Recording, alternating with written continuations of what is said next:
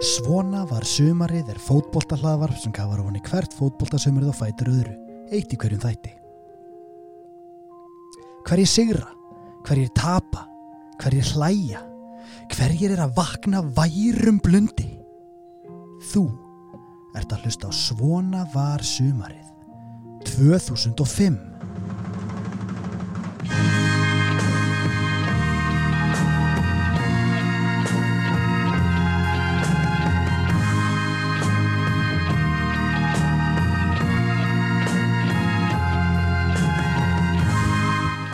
2005, blessaður orri. Blessaður! Glatt á hjalla, við vorum að bakkin með tróðfullan bíl af efni og leiðrættingarhotnið, við skulum bara byrja á því. Það eru þetta í boði Thule. Jólabjórin er lendur og orri, þetta er frábær árgangur í ár. Hann góður.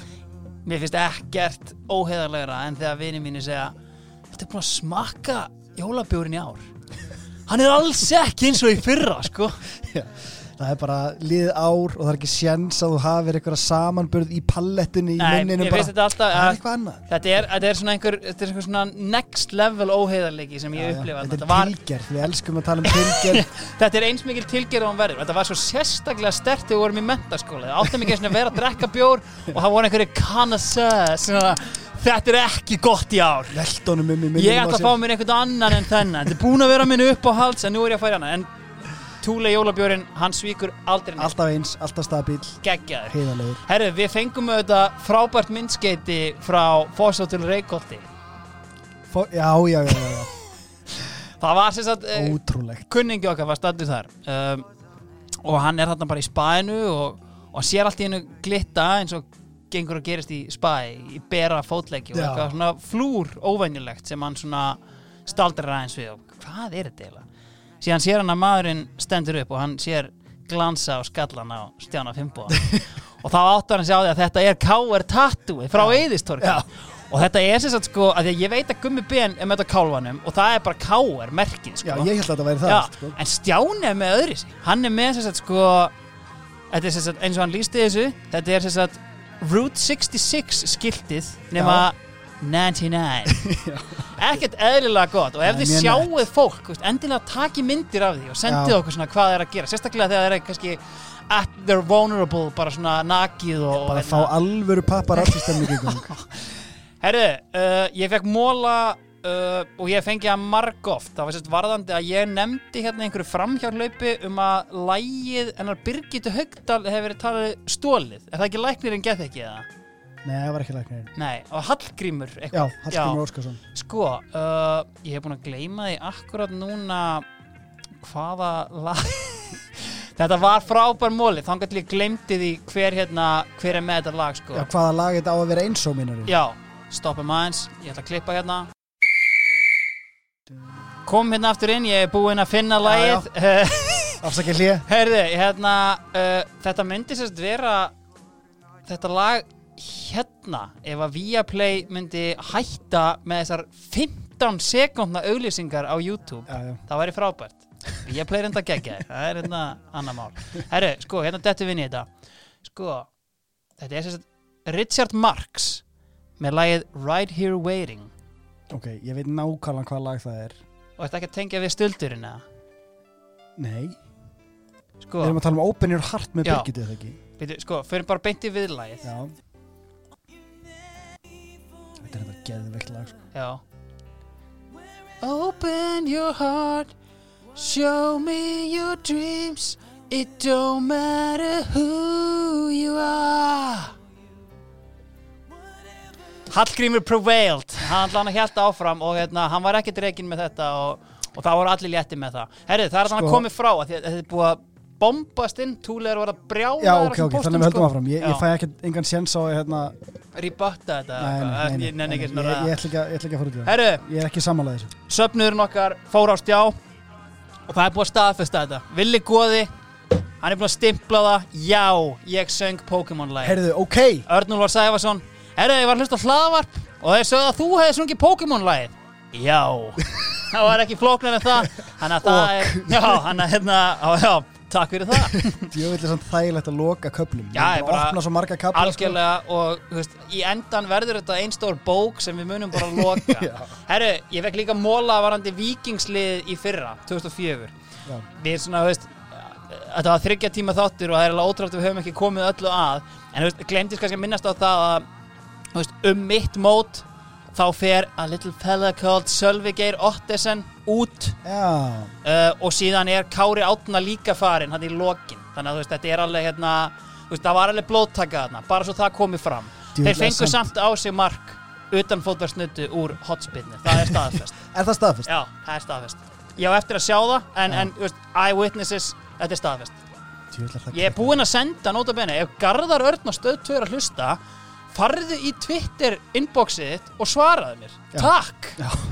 herðu, En sko, það er svo mikið, nú er sko, fyrir að fjölga leikmennunum sem eru ennþá bara, þeir eru náttúrulega hætti báður enda núna, en svona þessi leikmenn sem eru ennþá að spila, nú fara þeir að detta dett inn. Við erum komnir hérna í... Já, ég, alla, þetta er einmitt svona móli sem að mun koma hérna á eftir sko en herru, loka mólin í leiðrættingahotninu og eða svona leiðrættingaskástrygg söguhotninu uh, hann er auðvitað í bóði okkar manna hjá Session Kraftbar Já, ok. Sko, ég er ekki með mikið af svona tíðaranda tengdu dæmi uh, kannski krifum það nánar í næstu þáttum svona því það eru alvarlega changing of the guards að eiga sér stað Ok. Ég er alltaf með sögu, ég fór í meðlabúðina í ger uh, Rekst þar á hæstvirtan, hátvirtan þingmann uh, Hamborgara Tómas Já, Hann er á þarna útofnu, já, Já, hann er á útofnu, hann er að ræða við alla og hann er, sko, hann er að kaupa sér S.A. á Álf og hann er að ræða við alla á sama tíma. Konan vissi eiginlega ekkert hvað verið í gangi þegar hann var að kaupa álun hann Nema hvað, ég staldra hann aðeins við. Ég lappa fram hjá hann, hann er bara í inganginum Ég lappa fram hjá honum. Og ég sé jakka, hann er í svona varsity jacket þú veist svona, þú veist quarterback í einhverjum svona svörtum. Og ég lappa fram hjá og ég sé að það stendur eitthvað aftan á. Og ég er svona það stóð ekki það sem ég held að hafi staðið þarna ég lappaði tilbaka og stóð bara fyrir aftan hann og starði á jakkan því að þessi varsity jacket er ömmulú varsity jacket Nei, stóð Ammalú í stöfunum. já, í svona, Skrautskrift já, stöfunum. skautskrift og bara Svona tengi, Já, hann heldur vörumerkinu lifandi bara enn þann dag í dag þú væntanlega grifst í honum og sagðir hvar fekkst þennan jakka og hvað þýðir hann? eins og þið heyrðu kannski í þáttunum þarna, sko, þegar ég hrasa á Jose Mourinho, þá er það eina leið mín til að tala við frækt fólk, það er að hrasa á það, sko. Þannig að ég leta algjörlega vera, sko. Ég skrikaði fótur hann í meðlabúðinni, Datt á, Tommi lendin í hillu. allavega, Amalú lifir hjá, hérna, Tommo. Ég vil fá Tommo upp í pontu í Ömmulú jakkanum. Takk. Herðu, Ekki sokkum, nei á sokkunum. herðu, hérna, ert þú með eitthvað meira í, hérna, til að leira þetta? Ég var bara látin í friði.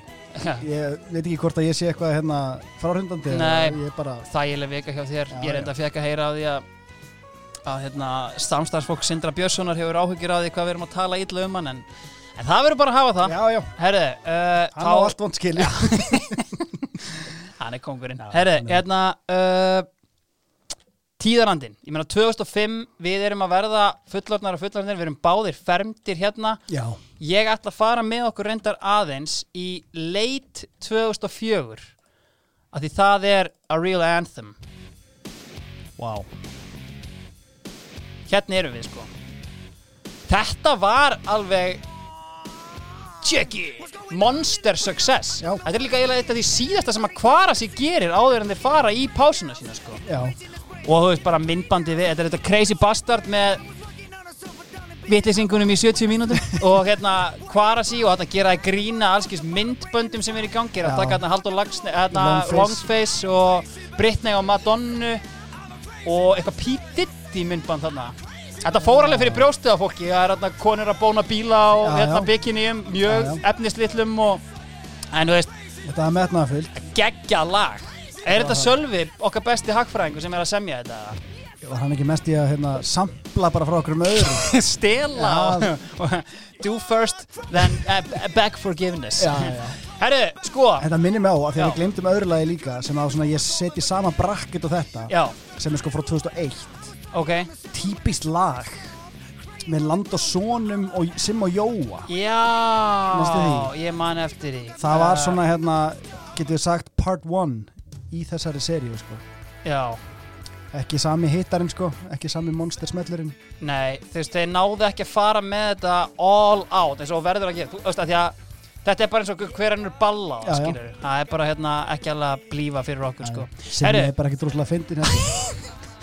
Herru, það sem að ég tek helst út úr tíðarandanum einhvern veginn er að sko þú lest um að allar hljómsveitir er einhvern veginn farnar að gigga út um allan heim við Já, erum eiginlega, skipta af þú sást hérna, svipin sko. sem gaf þér Já, sko, uh, færum okkur, fáum bara crazy bastard aftur hérna. uh, En það sem ég er að segja er sko Mástu til dæmis eftir því að það er til dæmis staður í Englandi sem ég mun aldrei gleyma og hann heitir Royal Albert Hall.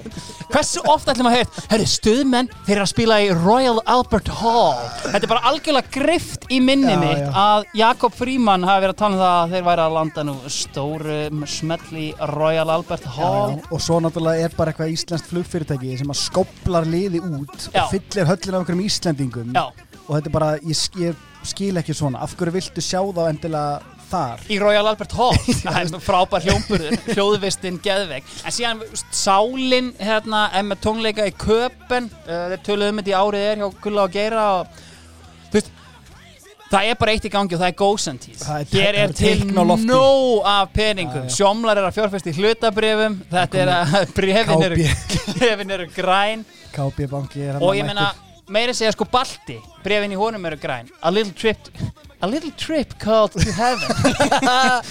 Mástu þetta þessari mynda þetta var hérna Forrest Já. Whitaker og Julia Stiles. Já, mann eftir þessu. Og hérna hún er tekin upp Múkisson gerði já, tónlistina. gerir tónlistina og hérna sko þetta er kannski endilega frásöng og fænandi nema ég fann hérna viðtal í fókus við einn aukaleikara í myndinni. Uh, hann er búinn að hanga hérna á Íslandi við tökur í tvo mánuði og líka reglulega vel. Hann er mikið að setjast nýra á kaffihús kíkir í miðbæinn þegar við á og náttúrulega enginn þekkir hann. Tekur hérna mynd af sér fyrir framann einhvern vegg þar sem er búið að skrifa tippi. Er Jeremy Renner? Hawkeye? Jú, jú. það er hrigalega þægilegt að vera hérna. Maður er náttúrulega bara að koma sér upp inn í leiklistinni og þú veist bara eitthvað fáránlegt að sjá þetta í dag og enginn búinn að grafa þetta upp Djú, sko. það er geðveikt. Herru, síðan náttúrulega eru aðrir í sprengju Maggi Skeving, hann er blowing up. Latibær er gone global Já, við erum komnir við þangað erum komnið þangað og bandarinskar húsmaður halda vart vatni við Magnúsi Skeving. Og þetta var ekki engangu sko, helsta vandamáli var sko að þannig eru djefaf farnir að sko þefa upp alla spjallþræði sem til eru og sko þetta taka þetta nokkuð krót sko. Uh, Íþróttuálfurinn er í þvílíku formi og virðist svo ljúfur Robby Rottni má gefa mér nammi hvenar sem er. Og þetta Já. eru bara eitthvað svona Desperate Housewives of America sko. En sko, þannig líka sko Ég vil flytja til Latabæjar. Þannig er náttúrulega búið að taka hérna taka þetta konsept Já, sko, við rættum þetta þegar við vorum, vorum að tala um leikritið. Já. það sem við fengum heiðarlegan siggasæta já, já, og, einmitt. og, hérna, og allt þetta. Þar er sko íþróttálurinn með sko goatee. Já, já, og er mjög ókynæsandi já, já. Hann er, Svo- já, hann er tjúnaður niður, viljandi virðist vera. Svo þannig er ég nefnilega búin að setja hann aðeins í eitthvað svona hérna, snirtilegri búning þar sem hann er ekki með eitthvað dirty goatee og er með eitthvað svona þund yfirvaraskegga í mannrétt Já, já, heldur, já, þetta er svona mjög þunn Þetta er svona Já. eiginlega villenmotta sko, Þetta á ekkert að heima á honum sko. Og ég man, ég hlustaði sko á hérna Magga í hérna Þegar hann var hjá Sölva Tryggva Það var geðveikt viðtal. Hérna, hérna synd að segja. Nei, skammast mér ekki fyrir það. Sko, og hann var að tala um það Bara tökur Hann þurfti að vera í þessum búning bara úst, í 10-12 tíma og hann var svo sveittur. Bara styrlin bara allt fyrir amazing apps og eitthvað annað sko. Herru, uh, hvað erum við með meira hérna? Erpur fyrir kollab höldum áfram að spila tónlist hérna. Og þetta er held ég alveg lag sem við getum hent á fónin hérna. Uh, Hérna eru Rottweiler komin í smá frí og Erpur fyrir að kollaba með einhverjum hérna með einhverjum dönum úmannen. Þetta er Nei, hæsta nei, hendin. Úfress. Úfress er sko, heitir bara Unnar. Hann Já. bara íslenskur. Já, en hann, en, en hann bjóð samt í köpun og hérna mér, fyndi sko viðtal sem er við erp tengslu við það sem að segja sko að það er svona aðeins meiri díalókur þetta er ekki bara eitthvað svona tippafíla og vittlisins gangur sko. Já, já, já. fyrsta lagi sem að springur er botnin upp.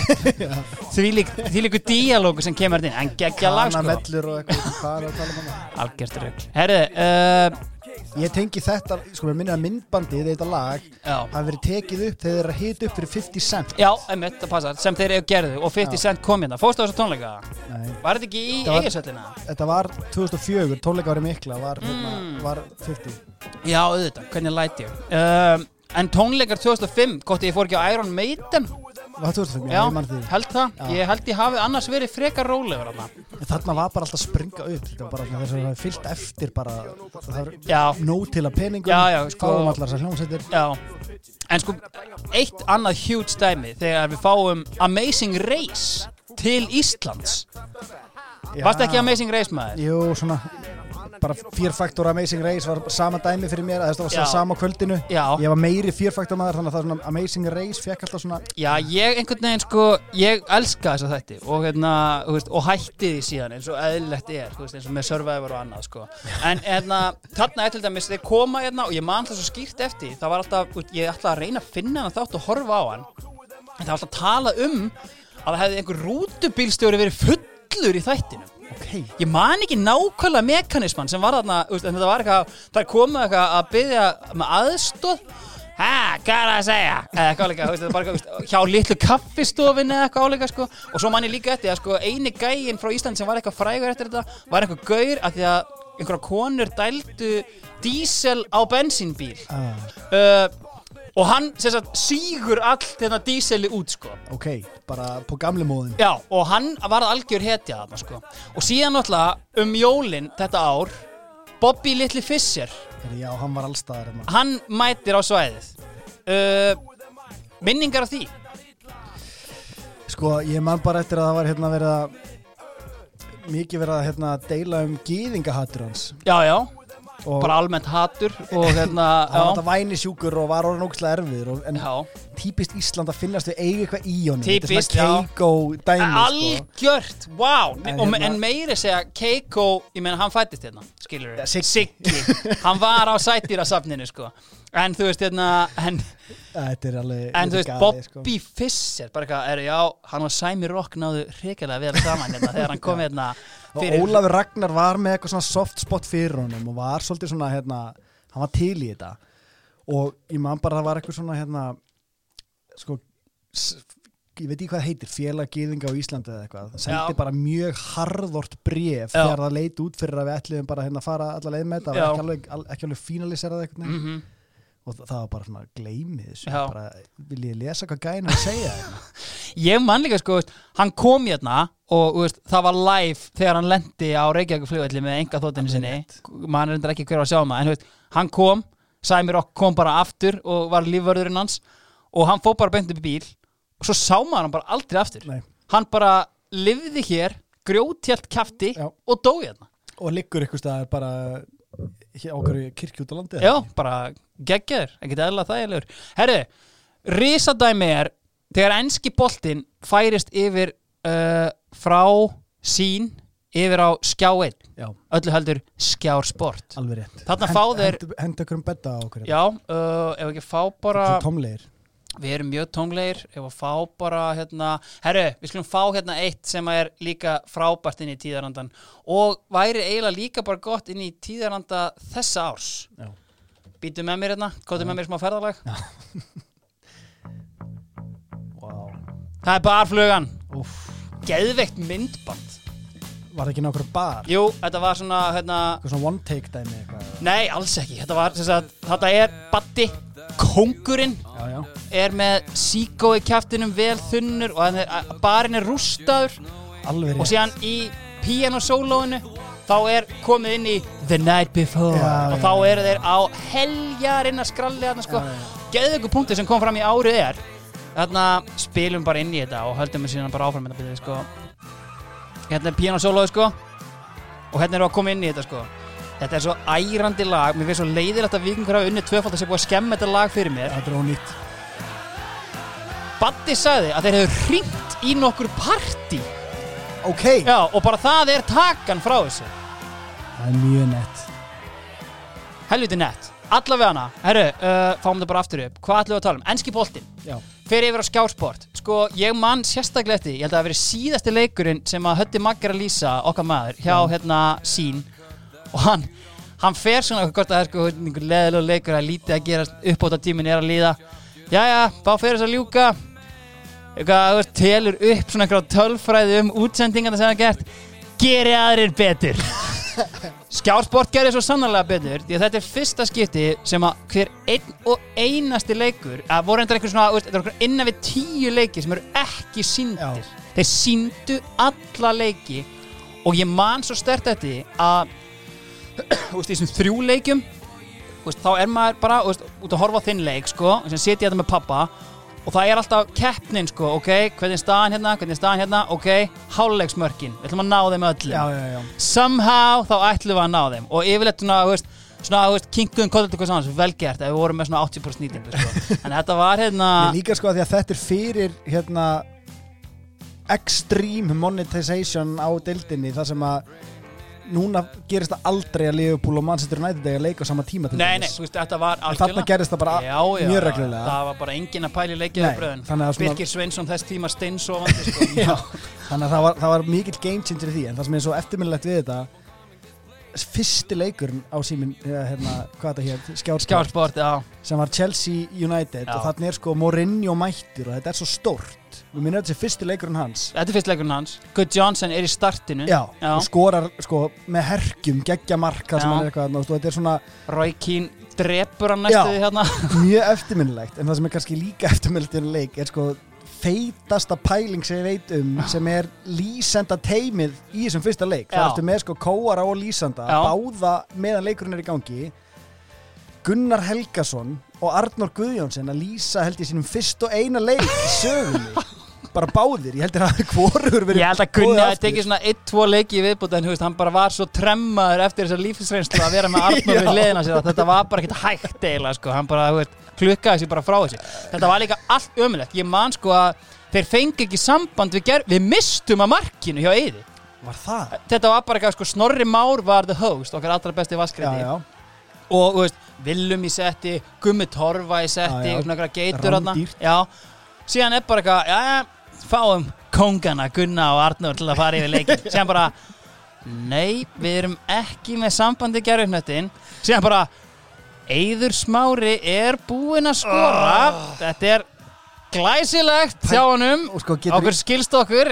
Ímyndaði þér svipinn á höttamak heima í stofu öskrandi og vel hlátri. glottandi ánaði með oh, en sko, það sem að var geggjað. vafasamt í þessu var að þeir voru með enska þuli á hérna, hliðarleikunum Alveg til að byrja með. Og lýsandi á sín Þorsteinn Gunnarsson hann var ekki sáttið með þetta.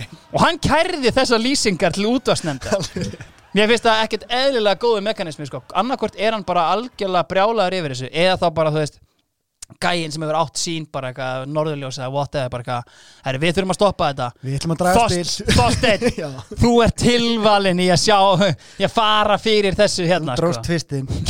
Þú tekur þetta. En það enda á því sem er alltaf geggjöða punktur það enda á því að útastend gaf út einhverja yfirlýsingu það sem að, eða ákvörun það sem að stóð þú mátt ekki vera með leikigangi sem er engöngu líst á ennsku já, þeirra svar var að ráða bara mann í fulla vinnu við það að texta live lýsingu. Það er sjúkt producentin bara yes, he comes down the wing.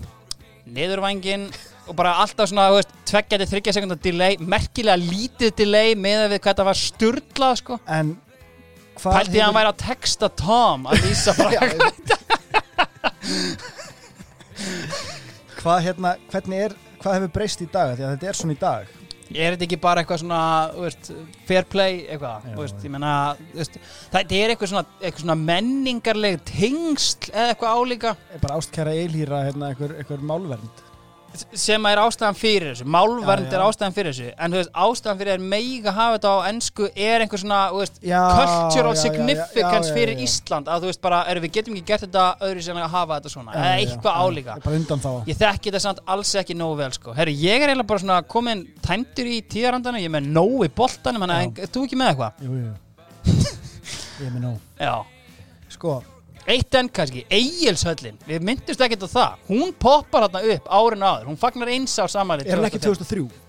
Er það? Ég fann einhver greinum hann að fagnað eins á samanlið Það gæti hafa verið leit Ég kaupi 2004 það. Sko, þetta var svona Það sem að mín helsta Æfði þú þarna mikið það? Eða þið eru náttúrulega með eitthvað frábæra gerðugarspartna upp í Ára Breiðalti Við áttum eitt tíma í, í mánuði, Já. nei, viku segi Það sem ég man aðalega var bara veist, Fóreldra mínir voru alls ekki að graspa snildina í því að ég geti fengið að æfa þarna við þessar topp aðstæður því að það er löng leið úr hlýðinum upp í Grafavog dýpsta punkt Grafavogs notabenni Já, já.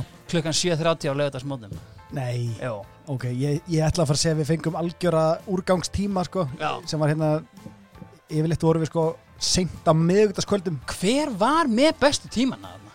Ég væri til að vita það. Hver var bara, eru 18.30 þriðu dag? Fjölnir, fjöli Fjalli Mér fannst þetta að síðan, Við vorum held ég sko við mánudags, lögdagsmótna og fimmtudagskvöld Þetta var bara, ég var eins og aðtunum að bara, herru, það er kvöldmatur og síðan er það bara hérna, herru, ok, æfing 21.00 á fimmtudagskvöldi Hvernig ætlar að fara? Já, hjóli, nei Algjörlega glóralist Herru, þú núna, Já, hvað er með? Sko, byrjum aðeins á að fara yfir ædolið Heldur betur, ok Ædolið var náttúrulega, við fórum aðeins yfir hérna, serju 1 í fyrra Já. sem að, sem að byrjar 2003 fer yfir í 2004 og ákvæm að hérna, taka það bara þá Já, það er náttúrulega bara mjög nöðsynast að fara yfir þetta. Ég held sko, to this day þá er þetta held ég vinsælasta úst, þetta er hérna 100% vinsælasta efni sem að stöð 2 hefur nokkuð tíma Já, framleitt. þetta var algjör trilling Hvort að ég heyrði sko töluna 120.000 atkvæði Já. í úslita þættinum Já, svo það er eitt, en svo líka það að tróðfylla vetragarðin Já, já. og vetragarðin er eitthvað sem við þurfum að hérna, tala meir um af því það er náttúrulega ótrúlega konsept en, hérna, en vetragarðurinn All round vetur.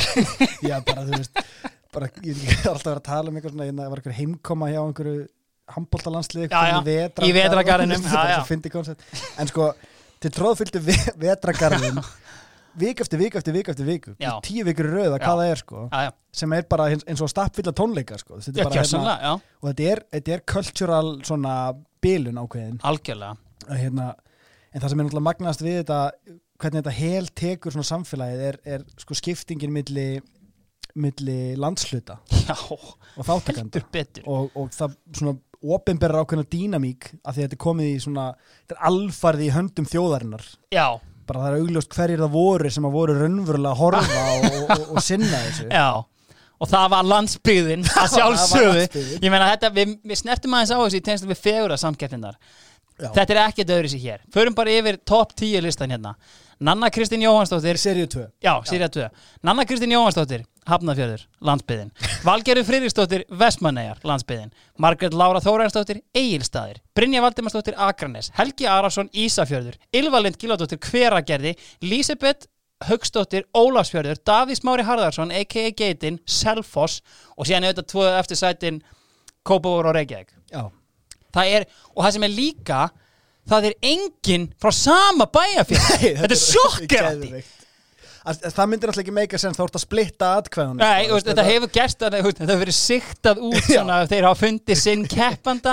Herru, ok, hérna er bara tíu liða mót landsbyðin gegn hérna bara, síslutnar bara mót ykkur annað. Já, og svo er svo geðveikt í þessu og það sem er svo augljóst og það sem Deva fyrir að gera þetta er náttúrulega hérna, við erum á gullaldar árum Deva það, bara, það, það er svo mikið veisla og ég tapaði mér svo mikið í ég byrjaði bara fyrsta janúar og svo bara las ég nánast einsta blað allavega það er verið að vitna í því þannig erum Já. við komin með folk.is og blog.central.is Já. bara galore Og við erum konið með ákveðna geitur sem kaupa lénin.is bara fyrir bloggsíðunar Já, og sko TK er náttúrulega mjög vinsælt sem svona, þú þú, bjóst í Já, bloggsíðu já, og settir hana keiftir.tk lén Já, en þú gerði það bara, bara frýtt sko. Joe gerði það á sín tíma, Varst í bloggsíðu gengi?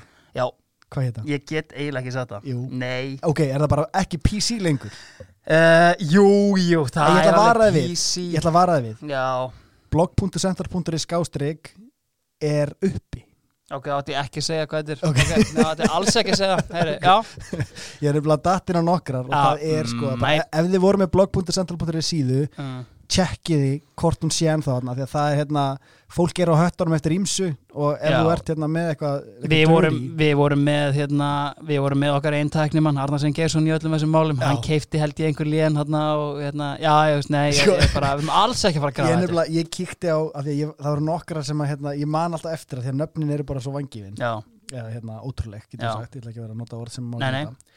Sko Möndlers Möndlers, já, já. Þetta var fyrsta sem datt upp í hausinu sko, bara, ég hef aldrei fyrir að síðan vita hvað það þýðir en þetta voru, þetta voru hákastrákar og Damir. Múminovits það er hérna fremstur Einmitt, og ég st stimplaði þetta bara þér ennþá með þetta hérna? og þá eru þeir sko greinlega búin að fara inn og læsa henni. Þú veist, Já, er hérna, þannig að þeir geta skoða sniður með einhverju passvorti en þetta er bara svo geðið koncept. Já, ég menn fleiri Booby Dippas Ég mann því líka Jú, jú, jú, jú. Uh, nei, hvort það held að hafa verið esku veist, það var fullt af svona gengjum út um allt sko, og hérna Fassmó voru náttúrulega svona gengi og kallarni.is voru svona gengi sko. all, allar þessar síður, það var úrst, sótt fyrirmyndin í Fastmo og Katarni.is Og- og, og þeir voru, með, þeir voru ekki með blogg centra síður, þeir voru bara með alvöru vef það var bara það einhver TK, fassmó.tk það var var það .tk? Já. ok, Gilsarinn kefti bara .is Gilt.is, það var setna nei, en hann já, kallarni.is, já, já, já. er áður en hann rak hjöppa Hjörvar Hafleðarsson ástæðan fyrir ég er að nefna þessa bloggsíður er þar í rauninni verða til svona fan síður fyrir alla keppendur og þar er fólk bara að missa sig. Og öll umræðan og öll svona gróskan í idol klikkuninni Mm. er þarna inni sko. Það er svo fyndið og, og gott að komast í svona dót sko. En hérna ég fann ekkert eitthvað brjálæðislega gott en sko punktu með Davísmára já, geitinn. Það er, það eru svona ákveðna típur sem að lifi í þessu, ég meina Hildur Vala og Heiða enda þarna tvær í úslitum Hildur, uh, Heiða er í dag svona rást tvö drottning einhver. Já. uh, Já, tvær frábæra söngkonur. Nákvæmlega, þetta er, þetta er alveg, veist, en þeir, þeir eru ógeðslega svipaðar að mörgu leiti, mm Mhm. það vantaði smá okkur en það, það voru tveir gaurar sem, að, sem að svona lifa kannski sem eitthvað svona hetjur úr þessu, allavega í mínum huga. Já, já. og það er annars vegar Helgi Þór já, sem, sem að ákvað, sem ákvað að byrja með keppinaut sínum Já, alveg rétt, og Valdimarsdóttir, það, það er eitthvað sem að sko Deva fjekk ekki nóa það var bara þetta ótrúlega idol par sem kom svo í ljósa þau höfðu hist einu sinni og þetta var bara svona algjörlega media frenzy og þau ákveða að halla sér inn í það til þess að hérna, Já. öðlast ykkur að vinsældi og hérna og ég held að það hafi komið Brynjugreiðin í koll sko þegar hún var hérna þegar það hefur frest kannski ekkur sambandslitum þá fór þjóðin og flykti sér bak við Helga já einmitt, hann var vinsælt í miður Helgi var bara, hann var bara kvenna ljómi og hann Já. endar sko, dettur út hann eitthvað og Þorvaldur Bjarni vildi endilega taka upp hanskan fyrir hann og þú veist að þetta var bara eitt lélitt performance. Við þurfum að horfa á var heildina krakkar ég get, þér, ég get alveg sagt þér sko hvað lag hann tók með hann sko, veist, hérna, já, hann sko og meiri segja sko, þetta er svo minnistætt fyrir mig að því að Simmi sagði bara Helgi, þetta var ekki þitt besta performance. Já. hvað heldur að valdi því? og Helgi svona, já, bara veit ekki bara fíla þetta lag og langaði að taka og, og Simmi segir gæti það mögulega verið á sérst að taka lag sem að er sungið af 30 ára gammalli söngkon hann tók sér að þetta Can't Fight the Moonlight geðveikt lag er þetta ekki Coyote Ugly? Jú. Jú. og það, þetta var, það var alltaf þema svona bíómyndalög Já, pældi að gæin, veist, þú færð bara þú maður taka lag og hvaða bíómynd setja þetta í hug Já. og þú ferð í Can't Fight the Moonlight Sko, úr Coyote þetta Ugly er svona, já, ég ég fæ bara svona, af því að ég tengi svo mikið við þetta. Ég myndi, þetta er 100% eitthvað sem ég myndi gera. En, en hérna Leanne Rimes, notabene. geðveikt Já. lag sko. og svo má, mál, bara fyrst þú opnaðir á þetta. Eldina, já. Þessi mynd hún er dýpri og meiri heldur en fólk gefur í kredit fyrir sko. þannig að hérna, Greiningadeildin nei, Er þetta er bara þetta er bara ef þið ætla að rewatcha eitthvað frá þessum tíma. Þetta er fín mynd sko, alveg, jú, jú, alveg klálega Ég hef ekki hort á hana í 15 ára en en sko, já. að því við erum að ræða landsbyðin og þessa kefni Já, endilega. færum okkur yfir í Davísmára Já, til, að- til að selfie-singing get þekka just you wait. Mm. en til að klára Helga hann nefnilega tók síðan við djúpulögin í kjölfari þannig að þetta var ekki Já. sorgarsaga. Hann fekk bara draumi sinni uppfyllt og hann sagði í einhverju viðtali veist, ég hef getið gert hvað sem ég vildi. Ég bara tilbúðin voru bara ekki hrönnum en ég ákvaða að taka Já, djúpulögin ok. Herru Davíð Smári. Þetta er sko Ég þarf hérna, ég ætla að finna hérna fréttina. Ok. Davís Mári, sko, nota bene Hann hérna Hann var svolítið svona 500 kall þessa árs. Sko, sorry, já da, hann var það klálega, hann var svona Hann var- late bloomer. Já, hann var ekkert sérstaklega, hann var ekkert geggjaðu söngvar og hann var að taka svolítið svona lög sem hann bara svona hafði gaman af tók hann í 32 manna úrslitunum Where Everybody Knows Your Name, Session Kraftbar þemalagið og hérna og kemst auðvitað ekki áfram og Bubbi lætur hann heyra það og, og, veist, og hann er svona, hann er svona fyndin útlitinu, hann er svona í þykkari kantir, hann er með eitthvað sítt krulla hár, hann er með glerugu. Síðan svona einhvern veginn hann lítur eiginlega út eins og aggi umbóðsmaður mjög svipað, wow en síðan svona reinventar hann sig í svona ballöðum, rólegum ballöðum. Og það er bara svona þægilegt ratsvið fyrir hann. Já, og hann kemst á flug sko. og hann siglir bara í gegnum það. Wildcardið pakkar því saman kemst aftur inn og einhvern veginn svona syngur sig inn í hug og hjörtu þjóðarinnar. Þanga til hann fer út af sporinu í undan úrslitunum þegar hann ákveður að taka lag sem hann elskar Take On Me. Já, já, og sko ekki nóg með það veist, eins og ég segi, hann var í þykkarkantur hann var í eitthvað bíluðu standi. Ég held að það sé óhætt að segja það. Já, hann hleypur út í salin nei, nei. Kemur tilbaka í sko bara, veist þannig hérna kabla gjössamlega búinn á hérna hann að hlaupa upp í salin sko. Er ekki allir klárir? Hann er hann að hlaupunum sko. Síðan sko kemur hann tilbaka ör þreyttur of seint meiri sæn á sviðið. Og mætir bara og er bara algjörlega sprungin og ég man Björn Jörundi var gestadómar þarna. Og hann bara það er nokkuð ljóst að Noregsferðin mun kosta Davíð mikið. En allavega já, þú varst múin að finna eitthvað með hann sorry, sorry, ég er langs komið þetta hérna, að þetta var ógott Davís Mári eh, eftir keppnina þá, sko, hann, það sem gerðist er það að hann er að vinna upp á káranjúkum og ég meina, við sem lesum DFF vitum að það er að- búið að vera allt í fokki upp á káranjúkum Impregli og okkar menn. Já. Elvar Geir búin að fletta ofan að því. Já, það er alls konar mál.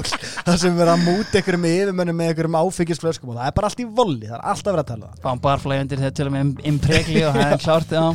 og Davís Mári fer ofan á heiði ofan, ofan úr hérna Hnjúkunum, af hnjúkunum og kemur á, í ædolið og tekur þátt í því og er að verða fyrir ákveðinu tekjutapi með því að taka þátt í þessu. Já. en honum finnst greinlega að lesa leikinn rétt. Hér er ég að representera mitt sveitafélag þannig að hann sendir bara bref á Árborg sveitafélagi Árborg. Ég væri til í styrk fyrir tekjutapinu sem ég var fyrir meðan ég var fyrir ykkar hönd í ædolinu sem hann sko 100% var. Já, já. svo, svo kemur í ljós eftir að hann sendi þetta bref að hann rugglaðist á sveitafélögum og var alls ekkert búsettur í Árborg. Og það er, það er svolítið lúðalegt sko, af því að að því að oddviti formaður menningamálunendar í Árborg segir að þau hafa ekki haft það ekki fyrir til að fara yfir umsóknina. Hins vegar raki augun í að Davís Mári með lögheimila á glóru en það er í hraungerðisreppi sem er ekki hluta Árborg þannig að hann þarf að senda styrkumsóknina þangað. Og svo kemur kvót frá Guðmundi oddvita í hraungerðisreppi Já. Ég veit ekkert um þetta mál en það ekkert erindi borist okkur. Ef umsók berst verður hún tekin fyrir en ég efast um að getum bröðst við eins og beður um þetta er lítill og auðmur rækkur.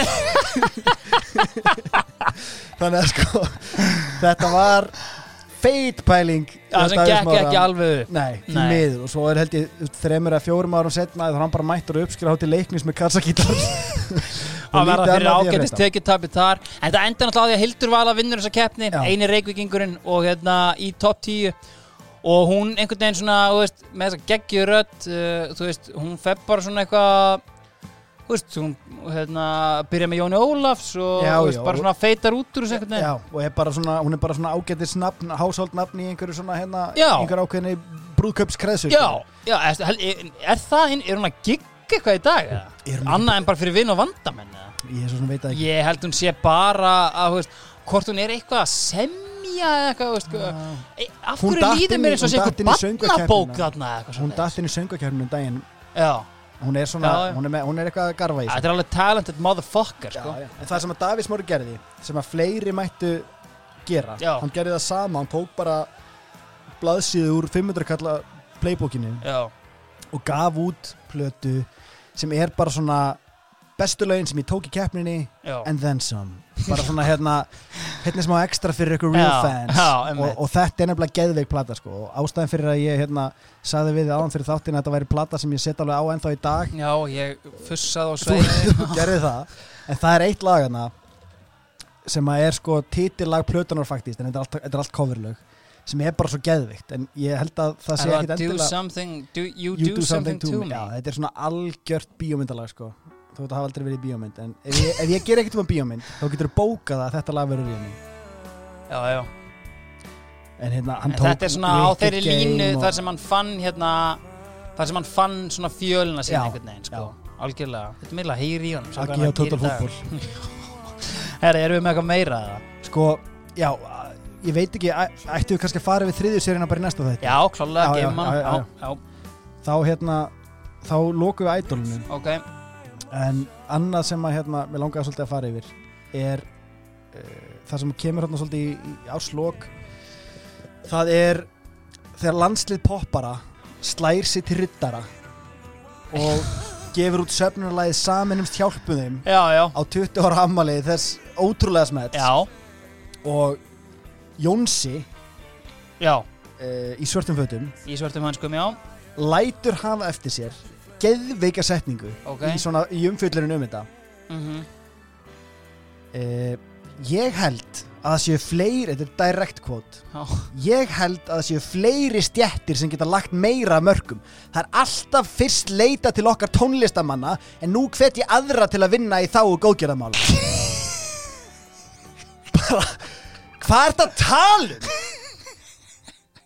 Alltaf leita fyrst Já, til okkar tónlistamanna Þetta er orðið freka þreytt, sko þetta er bara ótrúlega lína Ég byrja að henda þessu undir, ég er að vona að þetta sé rétta útgáfan, sko Gítarinn Nei, er þetta ekki gamla? þetta er gamla Sko, fáum hérna hjálpum þeim uh, 2005 útgáfuna. Þetta Já. lag er auðvitað samið af Mikil Geit sem er látin í dag, hérna, látin í dag.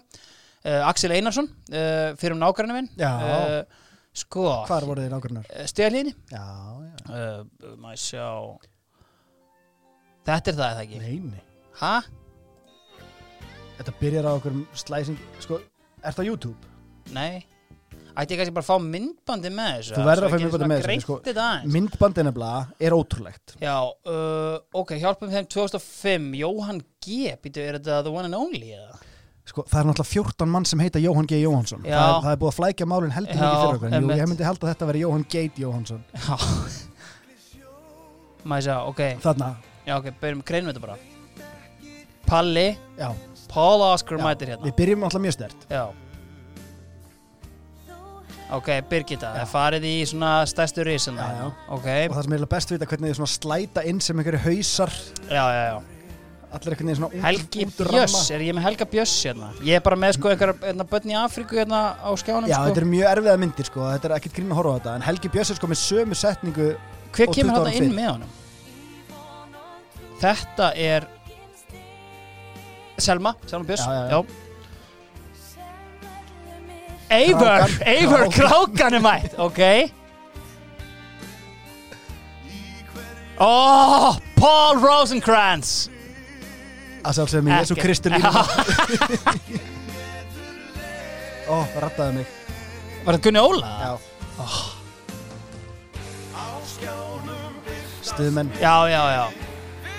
Oh, Svörtu hanskarnir, já, Ok. já, Jónsi mættur. Eitt samt sko, Já, hann fær þessa setningu. Já. Þetta er alveg, þú veist. Hann, hann er þetta búið að leita til hans Já, bara- hann, var að koma með þetta. Hver á að fá þessa setningu? Það sem að Jónsi fær síðan. Já, Hann fær þessa setningu í fyrra skiptið. Já.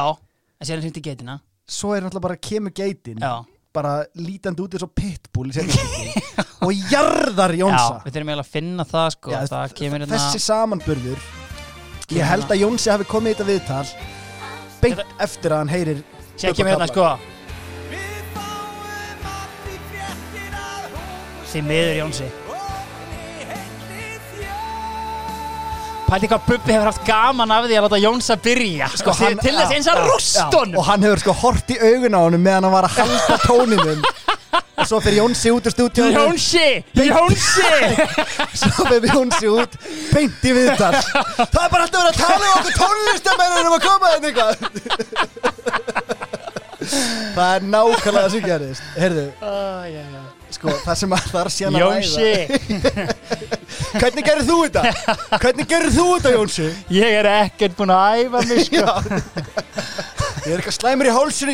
Byrju, sé ég Davíð Smára á þú sér nefnilega Davíð Smára. hérna, og sko, núna langar mig að fara yfir lúkið á fucking Jóni Sigursinni 500 kallinum og þetta, sorry, þetta bindi þetta er lasi, ég held að taka snipping tool screenshot af þessu bara akkurat núna og henda á miðlana Já, sko. þetta þarf að vera bara fyrir framæðin ert að hlusta þetta. Sko, Já. allt sem að þetta bindi er lakking í lengd er á treflinum að Gunna Óla því hann er sko það lengsta sem ég hef séð Ah, sko- Það er alvöru myndvinnsla sem ég er að fara að senda starfsfólki mitt í sko. Já. Þetta er alveg og geðveikt sko, sko. svo er náttúrulega Helgi Björns mættir þarna að tala um hérna hvað Afrikabönnum þurfa mikið á að hjálpa okkur að halda í þykkasta pelsi sem ég hef séð á æfinni það er svo margir sem þurfa að hugsa sinn gang en engin meira Þetta er sturla Þetta er pels sem ég hef nokkuð tíma séð Jón, Jón Sigursson hann hefur fucking bundið innan bindisnút Já, hort hann í kann speilin augljóslega ekki gera það sko. ímyndaði lengdin á því sem hann er búin að tróða inn í skýrtuna Já, já, já, já, já, já, já, já, Guð minn almáttu sko. en sko það sem er svona slíperinn í þessari, í þessari uppstillingu Já, er Garðardur Cortes Já, já. sem ánáttúrulega hennan geðveika kabla já, hann ákvað að fara í svarta skýrtu og svört jakkaföt yfir já en svo ákvað hann að setja kathólst presta hvít svona hérna bref í já. þannig að hann er Bíddu, 100% hvað? minnist er dæmi já, já. Hvað er hann að, er hann í alvörunni að vinna Hann, hann er með það, það? hann er að vinna með það hann, hann bara setti það þarna til þess að vera 100% með kathólska prestalúkið en byrju, er hann, er það eitthvað sem er hann hann ordained? Nei, hann er ekki ordained þannig að sko það eru nokkur þarna sem að þurfa aðeins að fara að hérna, hugsa sinni í gang. Það eru nokkur bara on-brand, Halli Botleði hann gæti ekki verið meiri Halli Botleði þarna, Herra Rock, Leðurjakkin sama skýrta á í fyrra. Andrea, Gilva líka. Sverri Bergman með blöðhatti það er byrjað að þinnast Fedora hann kefti á hópkaup og, hérna, já, og Matti Matt með hérna, hökuskeggið. Þetta er alveg, já já, það er alveg hérna, og Pétur Jésu auðvitað í bakgröðum eins og í Pokémon-lænu þannig að hérna, það er eins og það er sko. Herru, uh, uh, næsta mál. Já, næsta mál, úf, ég þarf að ná mig niður sko, Já. Jón Shea ég fór aðeins overbort þar. Hú. Sko, það er annar maður Já, uh, sem að er allstaðar árið 2005 já, kemur aftur, hann var lína líka 2004 ok. Þetta er auðvitað dávaldurinn Já, Seiles þetta er dávaldurinn. þetta er Já. dávaldurinn. Já, og sko ég hérna ég fór yfir nokkra sýningar, það er til einhver svona klippur á YouTube og ég fór á einhverja sýningu hvort var 2005 frekar en fjögur. Hlustendur heyra að ég er að halla mjöndi flatt hérna hann, sko ég, ég er búin að pæla í þessum gæja í 15 ár. Já, bara frá því að hann kom inn að fyrst Mm. og ég, hann hefur verið með hugleikinn og ég er svona ég er eiginlega handvissum að þetta er eitthvað kjaftaði og það verður alltaf verið mittstans já, já. Þetta er þvæla. Við erum, að- þú veist, þetta er rauninni þannig steini með það nei, þannig að hann kemur öllum upp á svið nei, fær fólk upp á svið segi ég. Uh, þetta er allt, allir sem fara upp á svið er ákveðna týpur, hann treystir á það. Þetta, þetta er fólk sem að fer, manna, já ég ætla nú að hérna, taka þátt í þessu gera eitthvað fyndið, fá smá aðtegli já, svo gerir hann eitthvað humbúk og eitthvað töfra og eitthvað svo leiðis nota benni lúkið á gæjanum spila alltaf ótrúlega mikla rullu í þessu í hann, svona, já, já. í ykkur dölúð hann Ef einhver ætti að geta dálætt mig þá er það maður sem lítur svona út. Já, sem, bara, sem lítur út eins og eitthvað sem að kemur þegar þú nuttar lampa þá bara Já, það er, hið fullk, eða, já, það er fullkomna skýringin á lúkin Já. hans já. hann, Hann er bara- andinn Já, hann er eitthvað töframæður sko. En hann, það er ekki Wikipedia síðum hann það er ekkert, það er ekkert um hann þarna úti Nei. sem nema, nema sko official síðan hans. Og þar er hann bara að ljúa Já. þar er hann bara hérna að segjast vera einhver svakalega successful keynote speaker og eitthvað svona sem ég bara kaupi ekki, þú kemur ekki til Íslands ár Nei. eftir ár eftir ár eftir ár eftir ár ef þú ert successful keynote speaker. Ég held að það sé alveg hérna, eitthvað sem við getum slegið fyrstu Ég man að fólk bara til þess að byrja með ok, sko, ég googlaði sko það sem ég gerir margóft uh, þú veist, ég googlaði bara Sales Net Worth. Og þá hérna þá fæ ég eitthvað eitthvað en- Bollywood-leikar Já, þú veist, þú veist, og síðan bara, þú veist, ef maður fyrir images það er ekki ein mynd af Sales Nei. þar, sko. Nei, og það er, það er sem er óþælt ég fann samt sem áður smá background. Ok. Hann er frá Fiji-eigum fættur þar, mm. alveg upp í Kanada. Og Fiji er land já, já, Þetta er- þetta er bara hérna- ríki já, sjálfstættriki já, í Eyjálfu Já. og, hérna, og hann fæðist þar og þetta er í eigi alveg Já. svo finnur hann eitthvað dávald og lærir í honum í tvö ár en sér, heyrðu, ég get grætt peninga á sem því að gera eitthvað flipsýningu úr þessu og, og það, það er í eina monetize it. einu upplýsingarnar sem ég hef um bakgrunn Seiles Ég þóri líka veði að sko upprænlega dávaldurinn þetta hefur verið óþökk hans. Já, hefur verið svona breaking the code. Þetta er ekki í andanum sem ég kendi þér Seiles Nei, Sko- þetta er líka bara svona einhvern veginn þessar típur á þessum árum út með Seiles, út með annan gæja Pablo Francisco Já. hinn ófindna eftirhermu gæja. Bara gæðir sem eru heimsfrægir á Íslandi. Ég veist bara, úst, bara hann er komin í enn eitt skipti. Ég meina, hann mætti hérna, hann var það sko genuinely með okkur í vasanum að hann mætti með sýninguna Pablo and Friends þar sem hann náði meiri segja plata okkur til að borga flugmiða fyrir tvo aðra gæja sem enginn vissi hverju voru og bara allir bara, herru, já, Pablo Francisco. Þetta var sama og Tekno.is gerðu síðar með einhverjum Mitja Moore já, og Klaas og einhverjum gæjum Það sem átti að vera eitthvað tvo- nefndir reyndar tvær geitur þarna. Nei, en, það gerði ég ekki, jú. gerði það. Jú, jú, en, það gerði ekki. en margir af þessum tónleikum sem að minn maður Addi Exos var að henda í Þetta var allt Þetta voru allt menn sem að samkvæmt einhverjum tímariti Heitasti plötustúður Evrópu. Já, samkvæmt einhverju virtu tímariti sem var A, potið ekki til eða þá B, alls ekki virt. Þannig að þetta var svona, veist, sko, hvorki virt, vaff í RT, nýja, sko, virt, já. vaff í RKT Þannig að þú veist, við vorum algjörlega tekin svona á þessum árum Sko, aftur sorry, aftur að er- Já. ég, er- ég er frá Víðavöll Sko, það sem að mér langar að gera Mér langar að senda út ákall Já, á fólk sem að fóru upp á svið já, og lét hagaði sér eins og kjánar þar sem hann var einhvern veginn að láta þig fá fullnæðingu með því að taka í hendin á þér já, eðna, láta þig halda að þú sért haldandi á einhverjum hundi sem að svo pissar í fangið á þér eða hvað hann var að gera. Og Hann var alltaf að mæta upp í vestló. Það er nefnilega sem gerist svo Já. árum setna, fimm árum setna eða eitthvað successful hérna, keynote speakerinn Seiles er kominn á okkur framhaldsskóla túr um Ísland. Já. Þar sem að meðal annars hann, ég man hann svæfði einhverja stelpu í, í sko, FG Já. og hún vaknaði ekki Það eru alveg rétt og það þurfti bara að kalla til einhvern sko einhvern neyðar sími dávalda getur Þeir hafa bara- komið hérna og hann hefur bara smert hringt- fingrum Hann hefur ringt í bara hérna, The Master. Þetta gamla kallinn Nei, samt Ég komin í smá grínlaust. bras hérna og hún var sko, hún var hálf rænulítil ég, ég fann einhverja frétt um þetta Já. hún var bara í einhverju móki og líkamann hennar hún var mæld skilur og komið læknar og bara heyrðu líkamann hennar er undir álægi Þú er eins og hún sé dáleit hérna. Það er eins og hún sé dáleit það er eins og hún sé á hlaupum. Veist líka með að hafa sér þannig þó hún hafi leikir. Og þá var ég að hugsa ok, það er eitthvað þarna, það er eitthvað. Mhm. það er eitthvað til í þessu. Hann hefur bara hérna veist, kannski er hann bara dröggalið. Er það eitthvað er Sko hann málið er að við erum með tvo menn sko, veist, bara mjög nálægt okkur sem ég held sko, þú veist annarkvort er það bara eitthvað í sko hausnum á mér að þetta eru típiskustu menn allra tíma til að vera svona seileskæjar já, bara þetta, Eða- þetta er potið hægt. Já, eða þá að, sem ég held að þeir hafi verið. Þetta er auðvitað fórstjóru smitten Davíð Símonarsson og formaður rafjörðarsamtakana Ólafur Hrapp Steinarsson. Mig minnir eins og þeir hafi smiklað sér inn á Átján Plus sýninguna ég, með ég fann klippu af Ólafur Hrafn Steinarsinni upp á sviði sko. Er það ekki? Jú. Jú, Óli, heyrði í okkur Þú veit aldrei að hlusta. En, veist, en, þú veist það væri gott ef einhver myndi pikki Óla og fá hann kannski aðeins að hérna, fara yfir mekanisman yfir seila sko. já, þetta er bara, þetta er ótrúlegt. Já, heyrðu Nóum Seiles, já, af því vorum að tala um krakkana í 70 mínúndum aðan já Vitleysingana í 70 myndum Fóreldrar á Akarnesi eru slegnir yfir þessu sjónvarsætni Ok, þeim finnst þetta bara það versta sem það hafa séð. Af því að krakkar á Akarnesi e, sjónvarsþátturinn strákarnir er farin að valda hættulegri hægðun badna Þarna er náttúrulega nótabennu, skjótum því inn 70 mínútur eru hættar og þeir eru byrjaði með strákarnir á stöð 2 komni fyrir augu allra landsmanna og, og það er svona e, það þarf smá adjustment period Já, já, fyrir, það var og þjóð. heldur betur Já, e, það sem að krakkarnir voru að gera. Já, e, börnin horfðu á strákana og pissuðu á hvert annað er fyrirsögnin.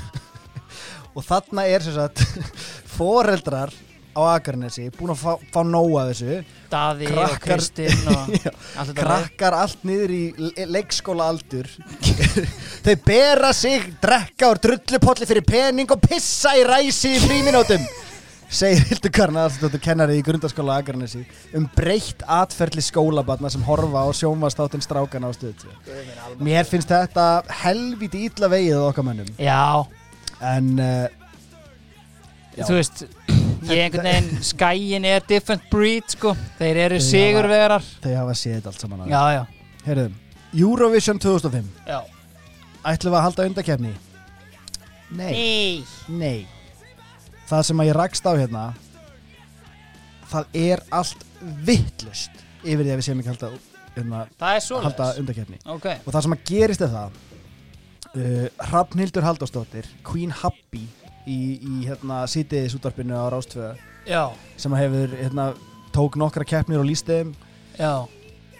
Hún er með uh, morgunþátt á Rástvö Já, og hún opnar fyrir síman þar sem hún er að spurja fólk mm. hvað þeim finnst um það að við séum ekki að halda, ok. halda hérna undakefni og það stendur ekki á svörum. Nei. Það er alltaf vittlust og, og þetta kemur upp úr því að það er fólk innan hús upp á rúf sem er svona hvað er að okkur? Já, stöð tvö er að fylla vetragarðin vik eftir vik eftir vik eftir viku.